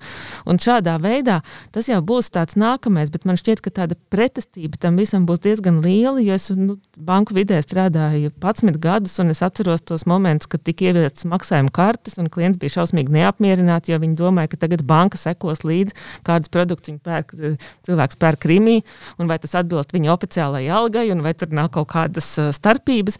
Mūsos tās bailes joprojām ir dzīves, un mārketinga industrijai parādīt, ka īstenībā gudri rīkojoties ar datiem, mēs varam klientu atbrīvot no spāma, iedot viņam to, kas viņam varētu būt vajadzīgs. Es domāju, mums tur ilgs darbs būs priekšā, lai mēs to izstāstītu, un lai kāds mm. mums uh, sāktu kā, ticēt, un mums arī būs smags darbs to pierādīt. Ja mēs tiešām strādājam ar tiem datiem, nu tad, tad mēs nerādām tam klientam desmit banerus, bet rādām tieši to, kas viņam būtu tas viss piemērotākais pēc tā, ko mēs esam tur sas saskatījuši. Tas viss vēl attīstīsies un būs beig, beig interesanti, manuprāt. Vēl atnāks vēl mākslīgais intelekts, kurš arī spēs apstrādāt tos datus, kā jūs Jā. sakat, ja jums nav tās rocības katru izanalizēt un izvērtēt. Mākslīgā intelekta iespējas būs izvērtēt katru individuāli un pateikt, un piesaisties pie katra atsevišķi un paskatīties, ko viņš tur ir pircis par to, vai, vai kur viņš ir staigājis pa kādām mājaslapām uh, mēnešu laikā. Uh, Tā kā īstenībā jā, tas ir tas droši vien, ka tas topiks būs vēl ļoti karsts, īsu, nevis īsu, bet tieši otrādi ilgu brīdi. Un, uh, tas ne, neapstāsies kaut tā, neatrisināsies vienā, vienā labā dienā. Ja. Jā, es gribēju teikt, Sigita minēja, ka mums nepietiek rocības. Automatizācijas sistēmas, mākslīgais intelekts, jā, attiecīgi tas droši vien būs tas, kas palīdzēs savā ziņā tikt galā ar to visu datu apjomu, informācijas apjomu, lai Tieši tā, es pilnīgi piekrītu, ja, kad šobrīd tās, tā, tas mīts vai nu, tā, tā, tā gadiem iekrātā tāda pieredze attiecībā uz nu, ziņā tiešām mārketinga kanāliem, kad hei, tas ir spams, ja, kad, kad, kad, kad tas ir kas, kaut kas, ko es negribu, nu, viņš šobrīd veid, viņš pārmainās. Tas ir nevis tas, ko es negribu, bet tas ir tas, kas ļauj šīs piekrišana un piekrišana uz datiem balstītus piedāvājumus saņemt tieši nu, varbūt veido šo pozitīvo pieredzi, vai ne, ka mēs nesaņemam spamu, kas ir pilnīgi nerelevants, bet mēs saņemam retāku un precīzāku mums domātu informāciju. Nevis vienkārši katru otro dienu kaut ko, nu, tikai gan jau kāds uz to teiksim, uh, uzķersies, un gan jau kaut cilvēkam kaut kas no tām, no tām piecām ziņām, ko mēs esam tajā ēpastā ielikuši, gan jau kaut kas trāpīs. Bet atkal man gribas piebilst, ka cilvēki nespēja novērtēt. Tā nu, parasti ikdienas cilvēki, kas ne, nenodarbojas ar datu apstrādi, vai ar mārketingu, vai remarketingiem, vai uh, viņi nespēja no, nu, saprast to, ka tā, tā reklāma, kas viņam tiek rādīta šobrīd, jau tagad, ka viņi jau ir balstīti uz viņu kaut kādām interesēm. Ja? Un, uh, un tas, ir, uh, tas vienkārši pašsaprotami. Nu, kā, tas ir jāpierāda. Kā Sigita teica, jā, tas ir darbs priekšā. Nu, jā, un arī tie, protams, ka Daļēji jau šie mākslīgā intelekta rīki jau ir mūsu rīcībā, bet tāpat tās visiem tiem propensity modeļiem viņiem no kaut kā ir jāmācās. Jā. Viņi ar pirmo dienu nebūs perfekti. Protams. Tur ir jābūt kaut kādai uzkrātai datu pieredzes un visādi citu faktoru kopai, lai tiešām būtu tā, ka uh, tik skaisti, ka tajā rītā, kad es izējot no mājas, domāju par kaut ko, man tieši tas tiek arī piedāvāts. Nu, līdz tam būs tāls ceļš ejams. Te mākslīgais intelekts atņems mārketinga cilvēkiem darbu, jo mēs savā ziņā arī pētot, jo mārketings bieži vien uzskata, ka banneris taisīt nozīmē digitāls mārketings. Patiesībā tas ir milzīgs izstrādes darbs, pētīt to auditoriju. Un visbiežāk arī, kad man sanāk vai nu klientiem vai studentiem runāt, pirmie vārdi saka, jūs neesat mērķa auditorija. Šobrīd nodzēšat visu, ko jūs zinat par savu auditoriju un sākat no nulles. Jo pārāk bieži tas, ko Sigita minēja, arī ka kaut ko, kaut ko taisa, taisa būt biznesa, kaut ko taisa, jo tāpēc, ka iz, kāds izdomās kaut ko foršu, uztais, un cilvēkiem to nevajag. Un viņi saka, man to nemaz nevajag, un nemaz nemēģiniet pārliecināt, man to nevajag. Svetbanka pirmais izvēle aplikāciju uztaisīja, paņēma pakrati un apsies atlikumu. varēja vienkārši pavilkt apakšā, pēc tā kratīšana. Un cilvēkiem patika tā kratīšana. Ja? Un tas bija fantastisks. Viņš bija kā trendmakers. Tas bija trends. Nu, visi varēja taisīt vienalga. Kad otrā dienā būtu tāda paša, visas vis bankas attaisītu. Nebūtu tas. Nu, tu esi pirmais kaut ko tādu foršu, un tas iesēdies jau visiem. Ja? Tu vari pakratīt aplikāciju. Un, Un uh, arī tā ir lojalitāte. Ja? Un šim tu nedod datus, bet veido lojalitāti. Un tā rep, lojalitāte veido tās atsauksmes, tā reputācija. Hei, tu jau pakartīji savu telefonu, nē, kas tas baigi forša aplikācija. Re, jā, pieredze pozitīva, droši vien kaut, jā, kaut kas nebijis. Un, un, un. Jā. Jo sajūtas lietotāja pieredze, tas, kas veido. Jo šeit liekas, uzzīmējuši smuku dizainu, uztaisījuši foršu aplikāciju, viss būs baigi forši, man cilvēki pavilksies. Būs laba lietotāja pieredze. Tā nav. Un ar datiem runājot, diezgan līdzīgi, ka mēs arī rādām šīs paplatos uh, pop-up, piesakies notifikācijām. Un cilvēks nesaprot, kas tas ir, kas man sagaida, kāpēc. Un loģiski, psiholoģija vienkārši. Ja es baidos, es bēgu prom, es bloķēju un pazudīs netīšām uzkrišana virsū un domāju, kā no tā tikt vaļā. Jo tas ir spams. Es gribētu pieminēt, ka šeit ir arī, nu, ko es bieži vien minu arī gan uzņēmumiem, gan, gan, gan, gan kaut kādos semināros un lekcijās. Šeit mēs veidojam to pieredzi jā, savā ziņā ar šiem tiešiem kanāliem un kopumā ar šo, te, nu, teiksim, poz, mēs runājam, pozitīvu pieredzi ar, ar zīmolu. Jā. Tajā brīdī, kad cilvēks viņš varbūt būs nobijies, bet viņš tur ieliks to ķeksīt vai nospiedīs piekrišanu kaut kādā. Ja? Un ja tajā brīdī tā viņa pieredze būs, ka viņš tiks agresīvi ar pārdošanu uz baneriem, ja, un nekur nāca pēc, un viņa pirm, pirm, pirmie e-pasta, pirmās notifikācijas, visa vis, vis šī tiešā komunikācija būs agresīva uz pārdošanu tendēta, tad, tad tas jau tālāk sekos līdzi. Viņš zinās, ka tiklīdz es atstāju piekrišanu, kas mani sagaida, ja, un tas ir tas bublis, kad nedod Dievs. Ja. Bet tur jau tas, tur jau tas moments arī ir, ka tev, tev kā reklāmas devējiem būtu jāsaprot, ka tu ne, nu, nevajag ņemt un visiem bāzt to savu piekrišanas uh, pop-up ja, vai, vai, vai, vai to uh, notifikācijas pop-up. Tev īstenībā ir uh, jāpadomā, kāpēc cilvēks būtu ar mieru, nevis ar mieru, bet kurš gribētu saņemt no tevis kaut kādas ziņas, vai uh, gribētu, ka tu apstrādā viņa datus. Un, ja tu spēj pierādīt to, ka tas, ka tu nu, kā reklāmas devējs, protams, tā būs komercija, protams, tas būs kaut kādā mērā. Uh, nu, ne spams, bet tas būs mārketinga ziņa kaut kāda, ko, ko cilvēk, kam cilvēks piekrīt. Bet, ja viņš piekrīt to labprāt, labprātīgi, zinot, ka no viņa viņš iegūs lielāku vērtību no tā, tad beig, beigās tas jau vairs nav gluži tāds. Uh, Nu, tas nav uzbāzīgi, tas jau īstenībā ir izpalīdzīgi. Ja? Tā tad vienošanās, hei, jā. piekrīt, un tev pretī kas būs. Ja? Savādāk tas nezināmais nāca piekrīti, un, un, un nu, tev būs pārsteigumi. Ja? Tūlīt, ko, mē, ko mēs te tagad tikai tev sūtīsim un piedāvāsim. Labi. No, piemēram, tas ir, tā, tas apusējs ieguvums. Ir. Un, ja mēs runājam par fizisku klātienes komunikāciju, mēs varam cilvēku labāk atkodēt, saprast, kas viņam vajadzīgs. Bet te viņš ir attālināts. Bieži, bieži viņš ir ar statisku saturu pretī. Un tie klienti ceļojumā tu jāskatās saturs tā, lai cilvēks nobriest bez tavas iesaistes. Un tad tas izdosies, ja, lai viņi visi jautājumi ir skaidri, lai viņiem būtu šī motivācija, viņš jūt to pievienoto vērtību. Ja tā nebūs, tad viņam var spiest simts reizes to banderu virsū. Viņš nemainīs savus. Nu, tas drīzāk radīs negatīvu, droši vien, kaut kādu, kaut kādu pieredzi un, un, un emocijas. Labi, uh, pārlecam bišķiņi netik, netik datos balstītā, bet savā ziņā digitālā tēmā influencer mārketings. Um, jā, vi, visi pakratīja galvu. Uh, lekcijās un, un, un kursos tas ir visbiežāk uzdotais jautājums, un cilvēkiem tas ir temats, kas interesē visvairāk. Kā izvēlēties, kā piesaistīt, strādā, nestrādā, uh, jūsu komentārs pieredzi. Korbukam influencer mārketings ir uh, izcils uh, kanāls. Vienkārši labākais kanāls. Mēs tur tērējam 70-80% no mūsu mārketinga budžeta un, uh, un ļoti labi atdevi iegūstam no tā. Bet te ir viens bet. Tas influenceris tas nav tas, kurš tur, nezinu, šodien šampūns influencē, rīt viņš tur stāstīs par uh, jaunākiem kredītpiedāvājumiem, piemēram. Ja? Mēs runājam, ja mēs runājam par influenceru mārketingu, kas ir tiešām efektīvs, tad tas ir tas, atkal, tas, tas ir tas caur to pieredzi. Tur, tas ir, iedomājieties, jūsu elks, jā, vai, vai kāds jūsu cilvēks, kuram jūs reāli nu, ļoti uzticaties, vai ieklausieties viņa viedoklī. Un tad, kad viņš saka kaut kādu lietu, un nav runa, nav obligāti, ka viņš mēģina jums kaut ko pārdot, bet viņš stāsta, piemēram, manuprāt, šis ir labi un šis ir slikti, vai, manuprāt, vai es daru tā. Un, ja, ja, ja jūs kā viņa sekotājs dzirdat no viņa tos vārdus, jūs daudz vairāk uzticēsieties pareizi tam ziņojumam. Ja no šī viedokļa varētu visas influencer mārketinga paveids veikt, ja, tad tas tiešām ir tāds rekomendācijas formātā, kad speciālists vai, vai viedokļu līderis, kurš ir uzbūvējis savu, savu autoritāti, stāsta par tiešām kvalitatīvu produktu, tad, tad tur viss ir ļoti labi. Tur ir ļoti apusēji un trīskāršēji un trīspusēji ieguvumi no visām pusēm.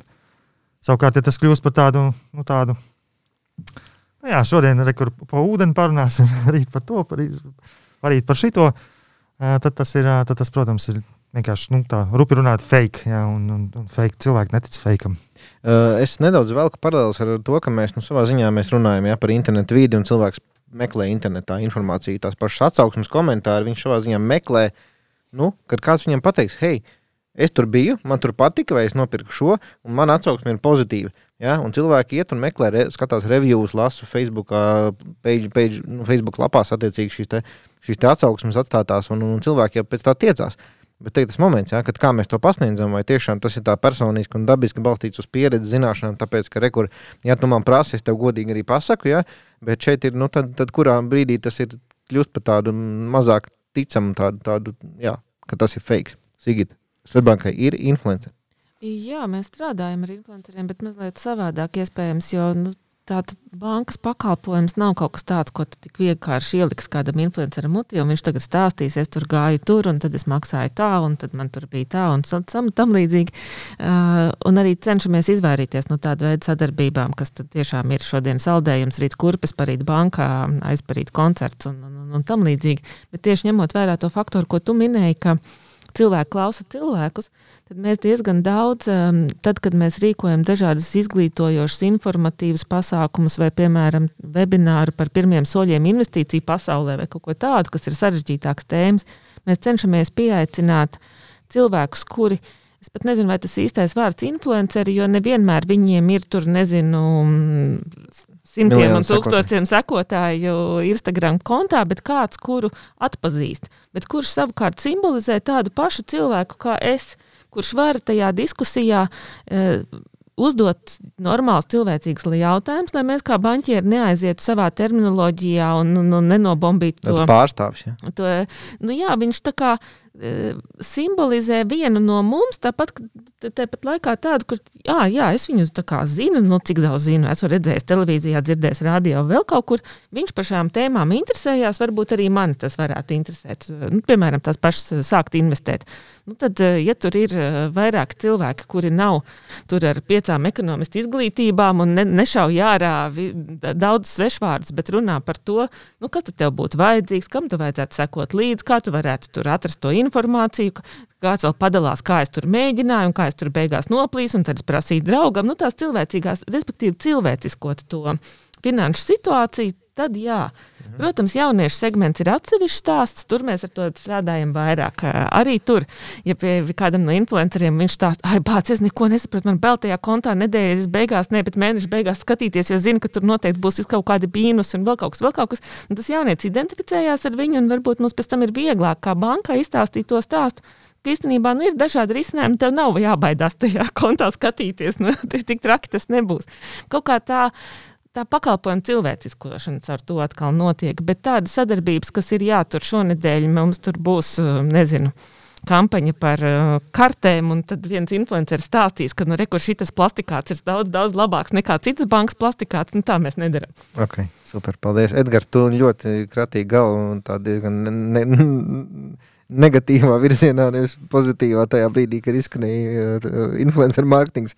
Tavs komentārs. Jā, nu, man sanāk tā, ka tie influenceri, kas ir tādi wannabe influenceri, man bija reizes, kad klients var arī, es redzu, klientu Facebook kontos, varbūt nāk kaut kāds ziņas vai Instagram kontos. Hei, nu, es gribētu sadarbības iespējas kaut kādas nu, pasaules, un madāmai tur 2000 sekotāji, ja, bet ambīcijas lielas, teiksim, gribu preces 800 tūkstoši eiro vērtībā. Ja. Un es pareiķinu, cik es varētu rīču kampaņu uztaisīt par to naudu? Uh, Un, eh, protams, tāpēc eh, es teiktu, lielākā problēma tas, ka nu, grūti novērtējumu panākt. Ja liela zīmola vienkārši ieķiksēt, jā, tur dzērienu kompānijas vispārējais ieķiksē, mums ir influencer mārketings bijis, re, mums ir kāds ir vēstnesis, nu, viss forši. Daļa no miksa, kas nav izmērāms, vienkārši awareness, eh, tam daļai tu mērķi visu.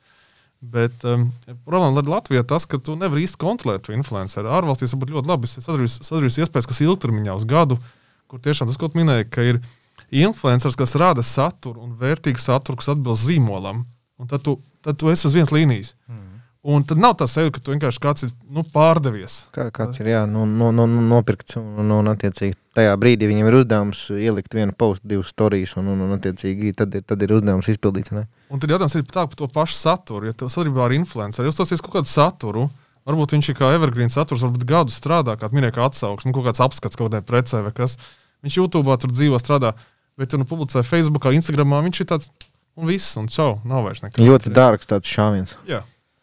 Okay. Bet, ja kāds no klausītājiem izdomā, ka varētu iet šajā profesijā, strādāt par influenceru, man ir tāds ieteikums. Īstenībā tā nav slikta profesija, un ir, tā, tas ir nākotnes mārketinga kanāls. Īstenībā varētu būt iekārojamākā profesija, man liekas, daudziem jauniešiem šobrīd. Jā, bet ļoti. YouTuberis ir influenceris, vai ne? Tieši tā, bet uh, it kā liekas, ka tas ir tāds. Agrāk bija kosmonauts. nauda, vai ne? Tāda, nu, kur tu darīsi to, kas tev patīk, un tev par to vēl maksās. Bet īstenībā tā nav viegla nauda. Tas īstenībā ir ļoti, ļoti precīzs un, un nu, es neteiktu smags, bet ļoti uh, rūpīgs darbs, lai, lai tu varētu pirmkārt uzbūvēt savu auditoriju, otrkārt uzbūvēt savu relevanci, vai ne? Uh, treškārt, pieturēties pie tās relevances visu laiku. Jo uh, mums ir bijis, bijušas situācijas, kad mums ir influenceris, kurš kā, pats atsaka uh, sadarboties ar šo konkrēto produktu, uh, tāpēc ka tas neatbilst viņa auditorijai. Viņš negrib pazemināt savu kvalitāti, iz, sevi izkliedēt, jā, savu vārdu. Padarīt, Negrib riskēt ar to savu jā, reputāciju. Sastrādāt to. Tieši tā, un, un, un tajā brīdī īstenībā tā influencer vērtība aug. Jo tad viņš tad saprot, ka šis cilvēks ne, nu, neies reklamēt visu pēc kārtas, kur tikai naudu dod. Viņam arī ir svarīgi, ka tas, ko viņš stāsta saviem sekotājiem, tas arī ir tiešām vērtīgs produkts. Uh, Un tad arī tas liek tiem uh, produkta, produktiem ja, kļūt labākiem. Un nopelnīt to tā influencera uzticamību, arī, arī veidojot pieredzi ar šo pašu influenceru. Līdz ar to tā ir tāda ilgstoša sadarbība, un, un es domāju, ka tā ir laba profesija. Jo tas, principā, nu, tas vārds varbūt nav tik smags, ja viņš tāds tā nonievēlēts. Viņš arī jā, ir diezgan jau sabo, sabojāts. Jā, jā bet, uh, bet tā globāli skatoties, tas ir tas cilvēciskais faktors, uh, kur starp uh, pircēju un pārdevēju pa vidu ir uh, vēl tāds tā kā filtrs, kurš uh, pasaka, vai tas ir tiešām labs vai nav labs produkts. Jā, ja mēs bišķiņu palicam apakaļ par lojalitāti, jā, tas, tas, tas vēl viens virziens, ko, jā. ko bišķiņu pētot lojalitātes programmas nu, teikt, rietumvalstīs un bišķiņu, bišķiņu tālāk no mums, uh, var sākt pamanīt, ka uzņēmumi izmanto esošu klientu, lai viņu jau formētu par, par influenceru. Nevis viņi iztērē milzumu naudu kādai redzamai sejai, bet viņi savus top lojālākos klientus būtībā uzrunā, klausies, vai tu gribētu, nu, teiksim, savā ziņā to darīt tādā sadarbības modelī. Ja mums ir klienti, kuri pa mums runā, kur mums stāsta saviem draugiem, radiem, ģimenei un tā tālāk, varbūt jau šeiro mūsu postus un, un, un ir ļoti, ļoti izteikti tādi, tādi lojāli un uzticami un, un dalās ar mūsu informāciju, kāpēc lai neveidot sadarbību ar savu klientu savā ziņā. Ja? Kāpēc lai viņš nestrādātu kā, kā influenceris beigās? Ja? Un tas ir tāds moments, man liekas, kur arī mums vēl ir kur augt. Protams, un tur, tur, tur arī veidojās tā autentiskā pieredze. Viņš var izstāstīt, kā man gāja, kā man negāja, un kāpēc es joprojām esmu ar to uzņēmumu. Tas būs patiesāk nekā, kad tas uh, influenceris par tevi uzzināja pirms nedēļas, tad viņš kaut ko pagaršoja vai uzvilka mugurā, un tad viņš padalās. Bet, ja viņš ir dzīvojis to zīmolu ilgi, tad viņam arī ir to ilgu attiecību stāsts, par kuru viņš uh, dabiski un forši izstāstīs, un tad arī būs ticamības moments no tā visa. Jā, super, paldies. Um, ejam tālāk, nākamā tēma. Um, Nodarbinātība, atalgojums. Jā, bišķiņi gribēju šim pieskarties, uh, un, un, un Edgars, tu esi izveidojis Facebook um, grupu, kas ir, kas ir digitālā mārketinga vakances, šobrīd ir 2200, uh, vismaz, vismaz tā, tā apmēram rādījās uh, dalībnieki un, un, un biedri šai grupai, kas seko līdz tam aktualitātēm. Uh, Un, un, un jā, veiksmīgi, ka pirms neilgi pirms šīs sarunas kolēģis Mārcis Antons ir nopublicējis šo te, šo te nu, teiksim, 2020. gada aptaujas rezultātus. Ja? Un, un, un, nu, ja mēs tā paskatāmies uz datiem, tad vidējā alga valstī ir 812 eiro un digitālā mārketinga speciālista uh, alga vidēji 1471. Nu, tā skatāmies, ka digitālajā mārketingā nu, cilvēki pelna ja, vairāk nekā, nekā vidēji valstī. Bet, uh, nu, teiksim tā, uh, skatoties no tiem darba sludinājumiem, un par to ir daudz, daudz bijuši komentāru un diskusiju šajā grupā, ja, kad bieži vien darba devēji meklē nu, tādus, es viņus saucu par Frankensteiniem, ja, ka tur ir jāmāk fotografēt, filmēt, uh, mājaslapu administrēt, nedaudz programmēt, tad ir jābūt radošam, jāmāk tulkot tekstus. Ja? Nu, praktiski visu, ko vien uzņēmumā var darīt, tad mums vajag tam cilvēkam, un viņu nosaucam par mārketinga vadītāju, un ot, iedodam viņam 1400 eiro, ja? kur īstenībā ir nodaļa vesela. Es laikam gribētu, Sigit, tev pirmo, un tu iespējams esi, teiksim, no mums visiem tāds visizteiktākais potenciāls darba devējs, ja banka, kurā, kurā ir departamenti ar daudz cilvēkiem, un nu, visticamāk nav tā, ka, kad, kad mums tur ir viens, viens pēdrīts, kurš tagad ir nu, visu dara, ko viņam paprasa. Visticamāk, ir, ir nišas un ir savi nišu speciālisti, kuri, kuri varbūt nu, ir, ir, ir tiešām speciālisti pieņemti, nevis vienkārši darīt visu. Jā, protams, mums tās specializācijas ir droši vien izteiktākas nekā mazākos uzņēmumos. Atcerot, klausoties, ko tu stāstīji, atceros to sludinājumu, kur vajadzēja mācīt pilotēt dronu, un vēl bija dažādi jociņi par šajās grupās par to, kas tik viss nav jāprot digitālā mārketinga speciālistam. Bet, eh, ja mēs skatāmies uz tādām pēdējā pusgada, es varbūt teiktu, tendencēm, tad eh, īstenībā tajā darba tirgu arī veidojas līdzīga, varbūt kaut kādā mērā situācija, kā mēs runājam par patērētājiem, ka darba devējs ar uh, labu zīmolu un labu reputāciju, uh, es teiktu, ka tas ir šobrīd var būt lielāka priekšrocība nekā algas cipars, jo laiki ir nestabili, un tad tu esi tomēr vairāk gatavs doties pie tā darba devēja, par kuru tu kaut ko zini, kurš nav radies vakar, par kuru ir atsauksmes, un, un, un kur tu saproti, ka tu varēsi varbūt to karjeru veidot un arī izglītību kaut kādu iegūt.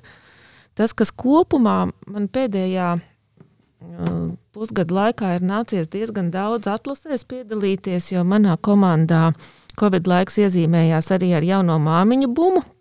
Tas vēl viens stāsts. diezgan daudz meitenes devās dekrēta atvaļinājumos, un mums bija jāmeklē cilvēki uz noteiktu laiku, kas man šķita, nu, kā tad tagad būs, kur es atradīšu labus speciālistus uz pusotru gadu, piemēram. Tad pieteikumu skaits bija milzīgs.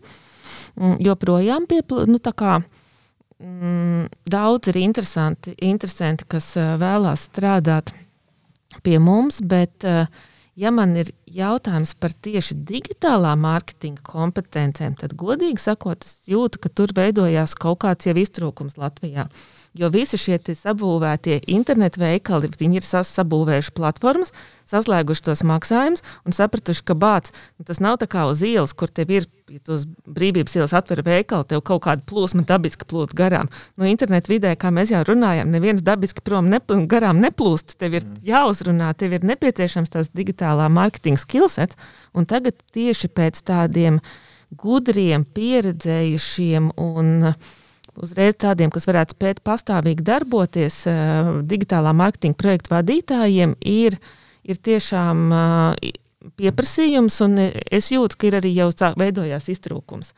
Jo tas pārējais skillsets, kas bija organizēt pasākumus un veidot varbūt vēl kaut kādus citus fiziskā mārketinga elementus, pēc tā vairs tas pieprasījums tik liels nav. Uh, Un kamēr šie cilvēki varbūt pārkvalificēsies, kamēr viņi iegūs tās digitālā mārketinga spējas, uzasinās, būs kaut kāds brīdis, kurā, kurā mums par tādiem labiem speciālistiem visiem kopā būs jāpacīnās. Jā, nu īstenībā arī dažreiz runājot ar cilvēkiem, kuri nu, varbūt nav digitālā mārketinga uh, speciālisti, ja, bet viņi ir vai nu, vai nu Covid ietekmē zaudējuši darbu, vai, vai, vai pašnolēmuši teiksim, nu, kaut ko mainīt, tad viņi atzīst, ka hei, nu jau tu pat varbūt neejot, kā, nekandidējot kā digitālā mārketinga speciālists bez digitālajām prasmēm, pat lāgan nu, grūti atrast darbu, jo pat, eh, pat tādās varbūt galīgi nedigitālās pozīcijās tiek prasītas tomēr šīs kompetences un kaut kādas zināšanas. Nu, Jo, jo tie uzņēmumi arī, nu, kā mēs saprotam, vairāk digitalizējas un, un tā. Līdz ar to ir, nu, eh, jā, nav tik vienkārši Edgars. Eh, tev noteikti ir tāds varbūt plašāks komentārs, bet. Nu, cik vien var koncentrēt par šo Facebook grupu un par to, ko tu novēro tajā gan no darba devēja puses, gan no, gan no nu, teiksim, darba meklētāja puses. Man liekas, ka grupā laikam būs drīz trīs gadi, un tas tāpat tieši iemeslu dēļ, ka nebija tādas, nebija vietas, kur publicēt. Tad nebija platformas, un līdz ar to tas bija Elko sludinājums, bija pirmais, ko es publicēju, un līdz ar to, protams, tas ļoti augstās termometrs, un ik pa laikam arī piešāvu savu kaut kādu ar tavu, jo man ir sava metodika, jau automāti, kas man jau sūta sludinājumus, jau nu, ir Daudz arī raksta privāti. Es nezinu, kāpēc, bet, hei, mums sludinājuma reklāmas uzņēmuma vakance, lūdzu, nopublicē. Nu, ja, ja saka, nu, Nu, uzrakstiet paši, tomēr, nu, jo tas ir arī tā tipiskā kļūda. Viņiem, hey, nav, reku... viņiem nav digitālā mārketinga speciālista. Viņi nevar, nevar nopublicēt paši darīt. Viņi uzskata tevi par influenceru. Tā kā tu ieteiksi, tad būs. Digitālā mārketinga vakāņu influenceru. Jā. Jā. Un šī gadījumā es arī es ilgas, ilgu laiku, arī, jau, kas uznodibināju, teicu, CVL vai aizrakstīju, hei, reku, ņemiet, ņemiet reku kanālu, izmantojiet. Un viņi paši nepublicē. Nu, kā es minēju, man ir automātika, kur man laiks, tas vienkārši iziet cauri, pastos. Un, protams, arī es saskatulēju, var atklāt eh, noslēpumu. Ja es saskatulēju uz priekšu tos postus, nu, no rīta apsos. Un nav tā, ka es tur 10, 12, un 2, un 6 piesēžos pie datora un publicēju tās vakānas. Nebūtu, ne, nav tā, ka es to daru. Bet eh, tas, protams, saturs vajadzīgs, lai iekustētos kaut kādas lietas, jebkurš kanāls. Un, ja tie novērojumi, tad um, viens tas, ko es iesāku minēt, jā, ka uzņēmums pasaka, reku mūsu pienākumu, mums vajag cilvēku un uzraksta mūsu vajadzības. Kas ir, kas jūs par esat? ko jūs spējat dot tam cilvēkam. Nu, mēs nerunājam par to, ka ir milzīgs, milzīgs sastāvs ar cilvēkiem, kas nāks un pieteiksies. Tu arī konkurē ar pārējiem sludinājumiem. Kas ir tas, ko pateikt tikai mēs, kāpēc priekšrocības un bieži vien iztrūkst.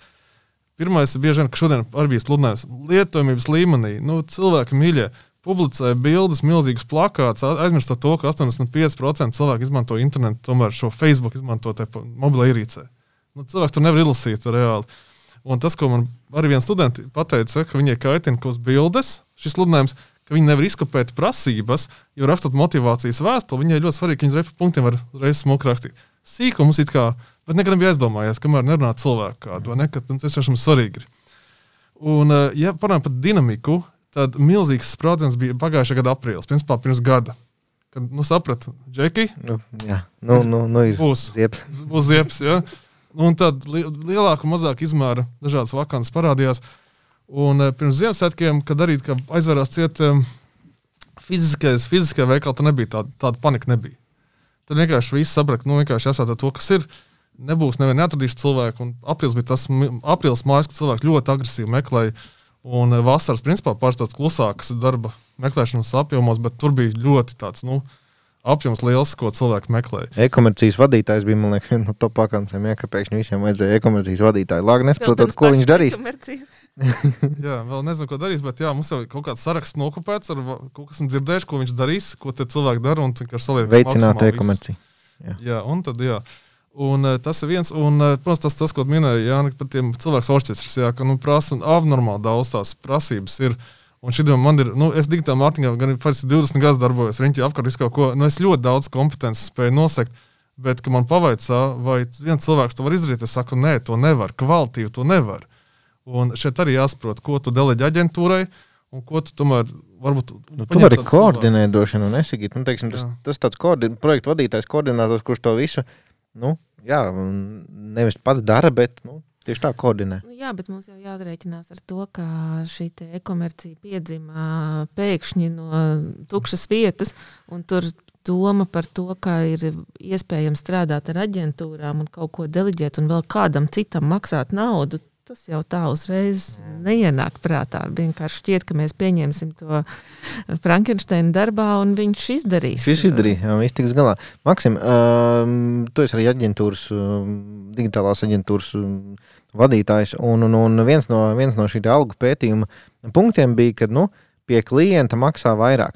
Ja, un, un, un, attiecīgi, jā, tad mūtībā mēs abi nākam no aģentūra vidas, un, un, un uh, Jā, kādu komentētu teiksim, no, no aģentūras skatu punktu cilvēku atrašanu, jo es varu padalīties ar savu pieredzi. Mums tā specifika ir diezgan, diezgan izteikta, ja, un man praktiski nav iespējams atrast gatavu darbinieku es viņus izaudzinu.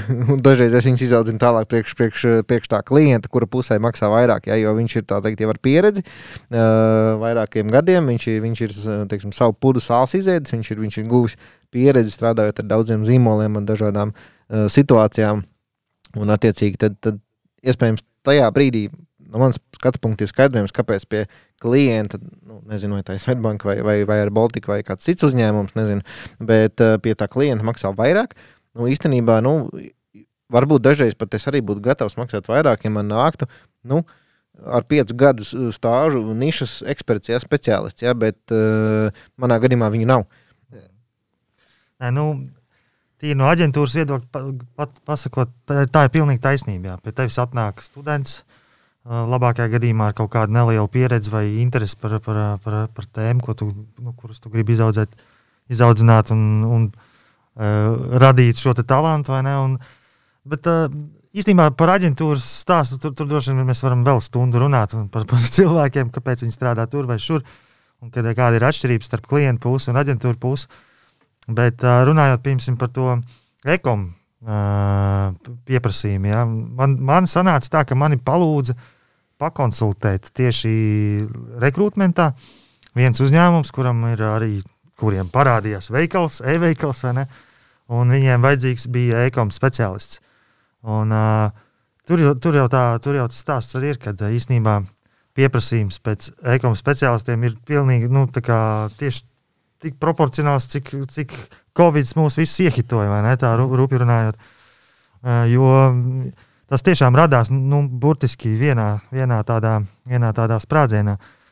Un problēma jau tāda, ka šie uzņēmumi, un es negribu aizstāvēt tos cilvēku orķestru meklētājus, jā, bet tajā pašā laikā uh, tas ir skaidrs, ka ja uzņēmumam ir tik daudz visādas jautājumus, jautājumu un kompetences, kuras jāatrisina. Uh, Viņi jau mēģina atrast nu, kaut kādu maksimāli optimālo variantu.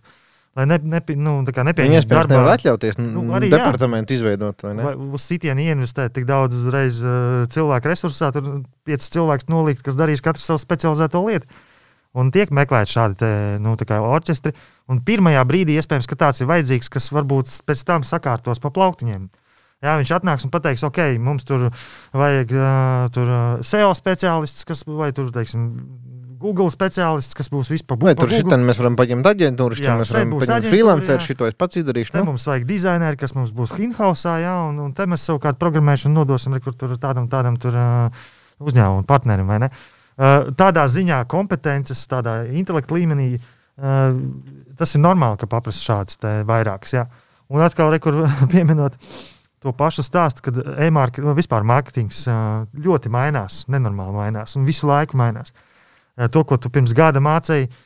Mācēji labi, iespējams, šobrīd, šobrīd tu, ja tu to ne, nepraktizē, tad tu vairs nemāki. Ja tu, ja tu SEO pirms, pirms diviem gadiem mācīji SEO taisīt, šodien tu ne, nemācīsi, ja tu neesi praktizējis. Ja tu visu laiku to neesi darījis. Jā, ne? tieši tā.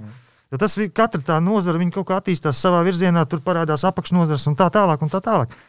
Un tajā brīdī, kad tu nospecializējies, kļūsti piemēram par vienu kaut kādu šauru speciālistu, nezinu, Facebook reklāmās, un, un Facebook paņem un nomaina kaut kādu lielo, milzīgu algoritmu, vai, pieņemsim, ievieš kaut ko, kas mākslīgo intelektu, kas tavā vietā visu to izdarīs. Un tev, un tev tavai profesijai vairs tādas nozīmes nav. Tev jākļūst par influenceru. Tev jākļūst par kaut ko citu tieši tā. Nu, jā, un, un, un tas, tas, tas, tas brīdis, kad tu īstenībā nevari tā ļoti uz visu mūžu nospecializēties e-komercijā un kļūt par vienu speciālistu, vienu, vienu, vienu virzienu speciālistu. Tā kā tas ir dabisks, dabisks process. Protams, nedrīkst būt šitie uh, novirzes. Kā, jā, tur drona, drona kam tas bija kaut kādam. Ventspils ostu. Jā, jā, jā, tur jāmāk gan Google AdWords ievietot, gan dronu pilotēt. Jā, fotografēt. Profesionāli. Un pēc tam vēl apstrādāt to visu, jā, kas ir principā jā, tas ir ļoti, ļoti plašs spektrs. Bet jāsaprot, kā droni strādā, varbūt ir. Nu, jāzina, kam tu, kam... kas tas ir un jā, jā. kādiem mērķiem viņi izmanto. Labi. Uh, jā, nu, kā, kā mēs saprotam, ka digitālais mārketings mainās uh, nenormāli strauji, ja, un tā ir tikpat arī plaša tēma. Ja? Tas nav tā, ka tas ir kaut kas viens. Uh, bieži vien cilvēki ar digitālo mārketingu saprot nu, sociālo tīklu postu un, un, un, un, un Google meklētāju kaut kādas ierakstus. Ja? Nu, tad, tad, tad tur, ir, tur ir skaidrs, ka tas. Uh, ka tas temats ir milzīgs, ja, un attiecīgi arī, arī mēs esam jau pusotru stundu norunājuši, un nu, tā bišķiņi pieskārušies dažiem tematiem, tas vien parāda par to, ka mēs te droši vien varētu līdz rītam sēdēt, un tad vēl nebūtu nebūt viss izrunāts. Tāpēc, nu tā, teiksim, uz nobeigumu pēdējais komentārs.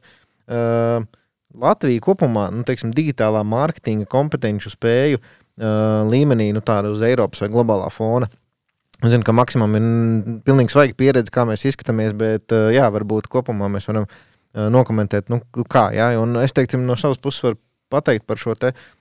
Tiešo mārketingu, jā, visām šīm lielātām lietām, ko jūs minējāt, kad nu, šī piekrišana mums joprojām ir tāds šausmīgs bublis. Jā, un ja mums uzņēmums nedod skaidru šo argumentāciju, kāpēc un kas par to būs, un kad, kad, kad piekrist nu, vai nu lojalitātes programmai vai kaut kam citam, ir forši, un mēs to darīsim to un to, un traucēsim tevi tik bieži un tā. Un tas ir tāds joprojām, nu, bieži vien mājaslapa izstrādātāji ieliek mājaslapas apakšā defaultā pieteikumu formu, kura nemaz nestrādā. Un tur, tur, tie, tur tie e-pasti kaut kur serverī krājās, un uzņēmums pat nezina, ka viņiem ir datubāze. Ja? Kādas vēl piekrišanas un kāda vēl datu aizsardzība. Ne? Un, un, un te ir tas stāsts par to, ka, kad, kad uh, lietas notiek autopilotā, dažreiz nedomājot nemaz, nu, teikt, ko mēs ar to visu iesāksim. Um, jā, kā, kā mēs varbūt iztamies kopumā, kādas jūsu? Es esmu tikko iznācis no akceleratora, kur māca mārketingu un visos iespējamos veidos digitālo mārketingu. Un, uh, tas ir uh, San Francisco programma, 500 startups akcelerācijas programma, kurā, kurā nu, tādā ļoti koncentrētā veidā pieskarās visiem digitālā mārketinga aspektiem. Es varu pateikt, ka uh, daudz ko varēja mācīties no turienes ar visu savu nu, jau gandrīz 20 gadu pieredzi digitālajā mārketingā. Es varēju mācīties no jauna visu kaut ko. Bet tajā pašā laikā, pastoties arī uz to visu pārējo manu tā saucamo baču biedru kompetenci un, un arī runājot ar uh, ar klientiem ārzemēs un, un redzot, kā, mēs, kā es, kā speciālists, izskatos uz viņu fona un kā viņi izskatās uz manu fona. Es teiktu, ka uh, mēs esam tieši tajā pašā, vai varbūt var, dažās vietās pat labākā līmenī nekā uh, vidēji pasaulē. Tīpaši, ja mēs runājam par kaut kādu dizainu vai kaut kādām uh, teiksim, liet, lietotņu interfejsiem, uh, tad Latvijā viss ir kārtībā ar speciālistiem, kas prot uztaisīt tiešām pasaules līmeņa šos te, produktus. Tādā mārketinga, digitālā mārketinga līmenī visu, ko tu apgūsi šeit, Latvijā, var tikpat labi izmantot pasaulē, ja vien tev ir domāšanas veids pareizs, ja, nu, spēj to uh, skalot, kā saka. Jā, un vienīgais, kas varbūt mums Latvijā, šiem, tes, ko es arī redzu pēc, uh, pēc uh, talantiem, kurus mēs uzrunājam, uh, kur nāk pie mums uh, uz intervijām, uz, uz Korbuku, uh, uz starptautisku startupu, ja, uh, ir tās tieši globālās domāšanas pietrūkst. Iespējams, tas ir tas, kas mums Latvijā ir viss, viss sliktāk. Tā nav tās izpratnes par to, ka pasaule ir liela. Ir izpratne šī, šī mazās divu miljonu, pat mazāk jā, jā, tā kā iedzīvotāju līmenī, un nav tās, nu, tā kā, nav tās tiksim, uzdrīkstēšanās sajūtas, ka tu īstenībā vari Īsnībā tu vari šo, šo savu produktu vai ideju izvirzīt super augstajos līmeņos un, un konkurēt ar, ar pasauli. Un tā ir vislielākā problēma, es domāju. Un tas ir tas, kas visiem jauniešiem, kas eh, šo, šo dzird, visiem ir vienkārši jāpaņem par panacēju. Tev ir jākļūst globāli domājošam cilvēkam mūsdienās. Ok, paldies, Edgars. Es droši vien piekritīšu, un tas, ko es parasti iesaku, sāciet veidot savu zīmolu, mēģiniet kaut ko darīt. Jo tas pats Krievijas, Azijas tirgus, tur arī komunikācija salīdzinoši lēta. Ir milzīgs uh, gabals, teikt, uh, auditorijas, ko var testēt un pārbaudīt, kas strādā, kas nē. Jo te liekas, ja tā ir Latvijas auditorija, liekas, es to auditoriju zinu. Un līdz ar to uzreiz tāds, es zīmēšu bandrīšu zīmēt. Mm. Bet, jo ir mēs Filipīnas, Indonēzija, Singapūra, Taivāna, Hongkonga, tie arī mani tirgi, mana aplikācija ir. To nāks iet tajā tirgu, un tu uzreiz domā, kas man tur jādara. Ir kas viņu vajadzības. Tu nebalsties uz savām sajūtām. Bieži vien tā ir arī likumdošana, ja, jo mēs saskaramies to, ka ir valsts, kurās nav tik vienkārši paņemt un kaut ko aizsūtīt tam klientam. Tur ir, tur ir milzīga, milzīga birokrātija. Priekšā. Mēs esam izlutināti Latvijā. Mums ir pakomāti uz katra stūra. Mums ir ātrs internets, mums ir mobilās ierīces, katram otram ir jauna iPhone vispārējais. Paņemsim māzīti, tur viņi skaita katru megabaitu skaitu. Tur ir augšupielādēt dokumentu, augstu izšķirtspējiem. Tas ir milzīgs izdevums uzreiz. Ir Tur jādomā uzreiz, ka aplikācijā sākam apstrādāt, un tad viņš ir augšup pielādēt. Tie visi sīkumi, tas, jau, tas ir tas īstais mārketings. Mārketings vēlreiz nav tikai skaists reklāmas zīmēt, un tas ir tas, ko nāks, protams, arī audzēt, saprast. Un tad, kad tu saprati, tad tu vari domāt globāli, rīkoties lokāli. Ja? Tas ļoti labi strādā. Protams, ka, ka ir noteikti vērts attīstīties, neapstāties pie sasniegtā. Un, un, un visu laiku jāmācās. Digitālā matikā ir nenormāli, visu laiku jāmācās. Un tas, ko mēs runājam, visu laiku mainās. Man ir bijuši reizes studentiem, mēs izstāstām kaut ko, paiet nedēļa, klau, pēdējie slaidi, ko stāstīju, viss metiet ārā. Es rādīšu jaunas, tas ir mainījies, tas vairs nav tagad. Ir ceļš Google, tas pats Google netiks numurs 4, jaunā versija atkal. Nu, nu, tā, tas visu laiku jāmācās nemitīgi. Un, un eh, mākslinieks piekritīšu arī par tiem procesiem uzņēmumā, orķestris. Bieži vien arī man piesaista sak, sakārtot procesus, es pasaku, kas jādara, apmācības un tālāk jūs paši. Jo no jebkura aģentūra nebūs tik labi, kā jūsu pašu iekšējās nu, nozares zināšanas, ka, ko jūs spējat. Jo vajag to čūņu, uhu un poņu tie konkrētajā nozarē. Jo var atnākt pateikt, kā tas viss strādā, kā Facebookā reklāmu uztaisīt. Bet kā pievienot to vērtību, un kas būs tā auditorija, kuriem tu teiksi, tu aģentūra normāli to nepateiks. Tur vajag tādu, kurš līdz kaulam zina un spēj pateikt, atrast pareizos vārdus tajā auditorijā. Tu tirgo traktorus, nu, tu vari uztaisīt smuku traktoru, nobildēt, bet tas nebūs, tās nebūs tā vērtība. Tas jāmācās visiem. Paldies, Sigita. Man varbūt ir mazāk pieredze ar tiešā veidā strādāt ar starptautiskiem klientiem, iz, izņemot dažas gadus aģentūrā, bet uh, man tāda pārdoma varbūt ir par to, uh, ka mums reizēm mārketings ir kaut kā mazliet attālinātāk no biznesa. Mēs tā kā neredzam to ciešo sasaisti, ka mārketings ir ļoti būtiska biznesa sastāvdaļa. Tieši tā, ko, Edgars tikko teica, tev ir jābūt jājūt līdz kaulam, kas ir tavs klients, ko viņš pērk, kāpēc viņš pērk, un tev ir jābūt uh, visu laiku dialogā ar savu vadību vai uzņēmumu īpašnieku par to, kur mēs iesim, kāds tur ir potenciāls, ko mēs tur sasniegsim. Nevis būs tā, ka kaut kur vienā uzņēmuma stūrī tiks uzzīmēti kaut kādi pārdošanas vai izaugsmas plāni, tad kaut kādā citā stūrī kāds zīmēs tos banerīšus, un varbūt tās pasaules nesatiksies un nepārtraukti strīdēsies. Viens teiks, ka slikti plānot, vienam teiks, nepietiek naudas, un otrs saka, nebūs vairāk naudas. Jā, un, un kur tad tā nauda ir, no kurienes mēs viņu varētu dabūt? Tur mārketings ļoti daudz var iedot uzņēmumu īpašniekam vai vadītājam un teikt, es redzu, ka strādā tas, ejam uz tā viļņa, šobrīd cilvēki tur un tur pērk to un to, nemēģinam lausties kaut kur citur, tāpēc, ka mums noliktavā stāv piecas kastes ar kaut ko, ko nevienam šobrīd nevajag.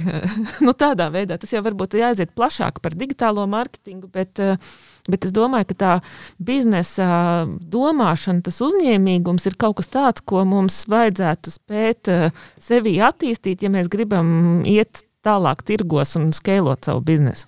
Drīkst mazo piezīmi par Protams. to, ka uzklausiet, ko auditorija saka. Jo man pašam pieredzes piestāvja grāmatu salīdzināšanas aplikācija pirms pāris gadiem. Un likās, viņi ir perfekti. Man liekas, nu, forši, nenormāli labi. Cilvēki lieto visu noteikti labi. Un tad man nebija publiska informācija, nebija tā ļoti redzama, kur atsauksmes sūtīt kaut ko tādu. Bet kāds no Čehijas, viens puisis, arī programmētājs, viņš bija atsūtījis ļoti konkrētu foršu lietu, ko vajadzētu izdarīt. Un, bet viņš bija augstu motivāts, viņš bija atradzis līdz maniem kontaktiem, izracies vēl kaut ko, lai tikai to ziņu nodotu. Es domāju, bāc, kāpēc nedomāju agrāk par to? Uztaisīju, tas bija milzīgs pavērsiens, tas bija ļoti labs. Un es uzliku aplikācijas apakšā, teikt, ka, hei, ja tev ir jautājumi, tad raksti. Un man reizē nedēļā es mācījos, kāds atrakst kaut kādu foršu lietu. Un tad es sapratu, Edgars, tu nezini visu. Klausies auditoriju, es to mācu citiem, vēl kaut ko, vēl kaut ko, un parasti ikdienā daru, bet aplikācijā kaut kā bija ļoti iefokusējies uz savām vajadzībām. Man liekas, ka tas ir tikai caur sevi un es nebiju atvērts auditorijai, bet viņi īstenībā ir atvērti. Un, ja jums ir labs produkts, ja auditorija ļaujat arī iesaistīties jūsu produktu izveidē, tas veido šo lojalitāti, veidos reputāciju, atkal tālāk ar atsauksmēm, ar iesaistu vispār. Nu, tas ir tas, kur jābūt šie sakabei. Auditorija, mārketings, biznesa. Trīs stūrītes, un tad jau aizies arī biznesa būs labāks. Ok, super komentārs. Arī, arī vēl man maz piebilda. Mums vienā atsevišķā biznesa virzienā, loteriju aģentūrā, ir šī klienti, kas ir nu, preču ražotāji, pārtikas ražotāji, nu, kuriem ir, nu, hei, mēs ražojam, vai ne? Mēs nu, strādājam ar savu zīmolu, bet kāds tur mārketings, kāda tiešā komunikācija. Un tad uh, tie daži ražotāji, kur tomēr izvēlās ielikt to ķeksīti, paprasīt piekrišanu, un ko viņi pēc tam izdara, viņi paprasta tam klientam, ja tas, ko tu minēji, viņi aiziet un pajautā, hei, mums būs jauns produkts, kādu iepakojumu labāk. Nu, kaut vai vienkārši elementāri nobalso par tevi šķietam foršāko iepakojumu vai labāko garšu. Ja? Tas ir lētāk un tas ir, tas ir uzticamāk. Ja, tas tavs tiešais patērētājs, tas cilvēks, kurš tajā veikalā to tavu produktu izvēlās, viņš arī pateiks, es gribu šito.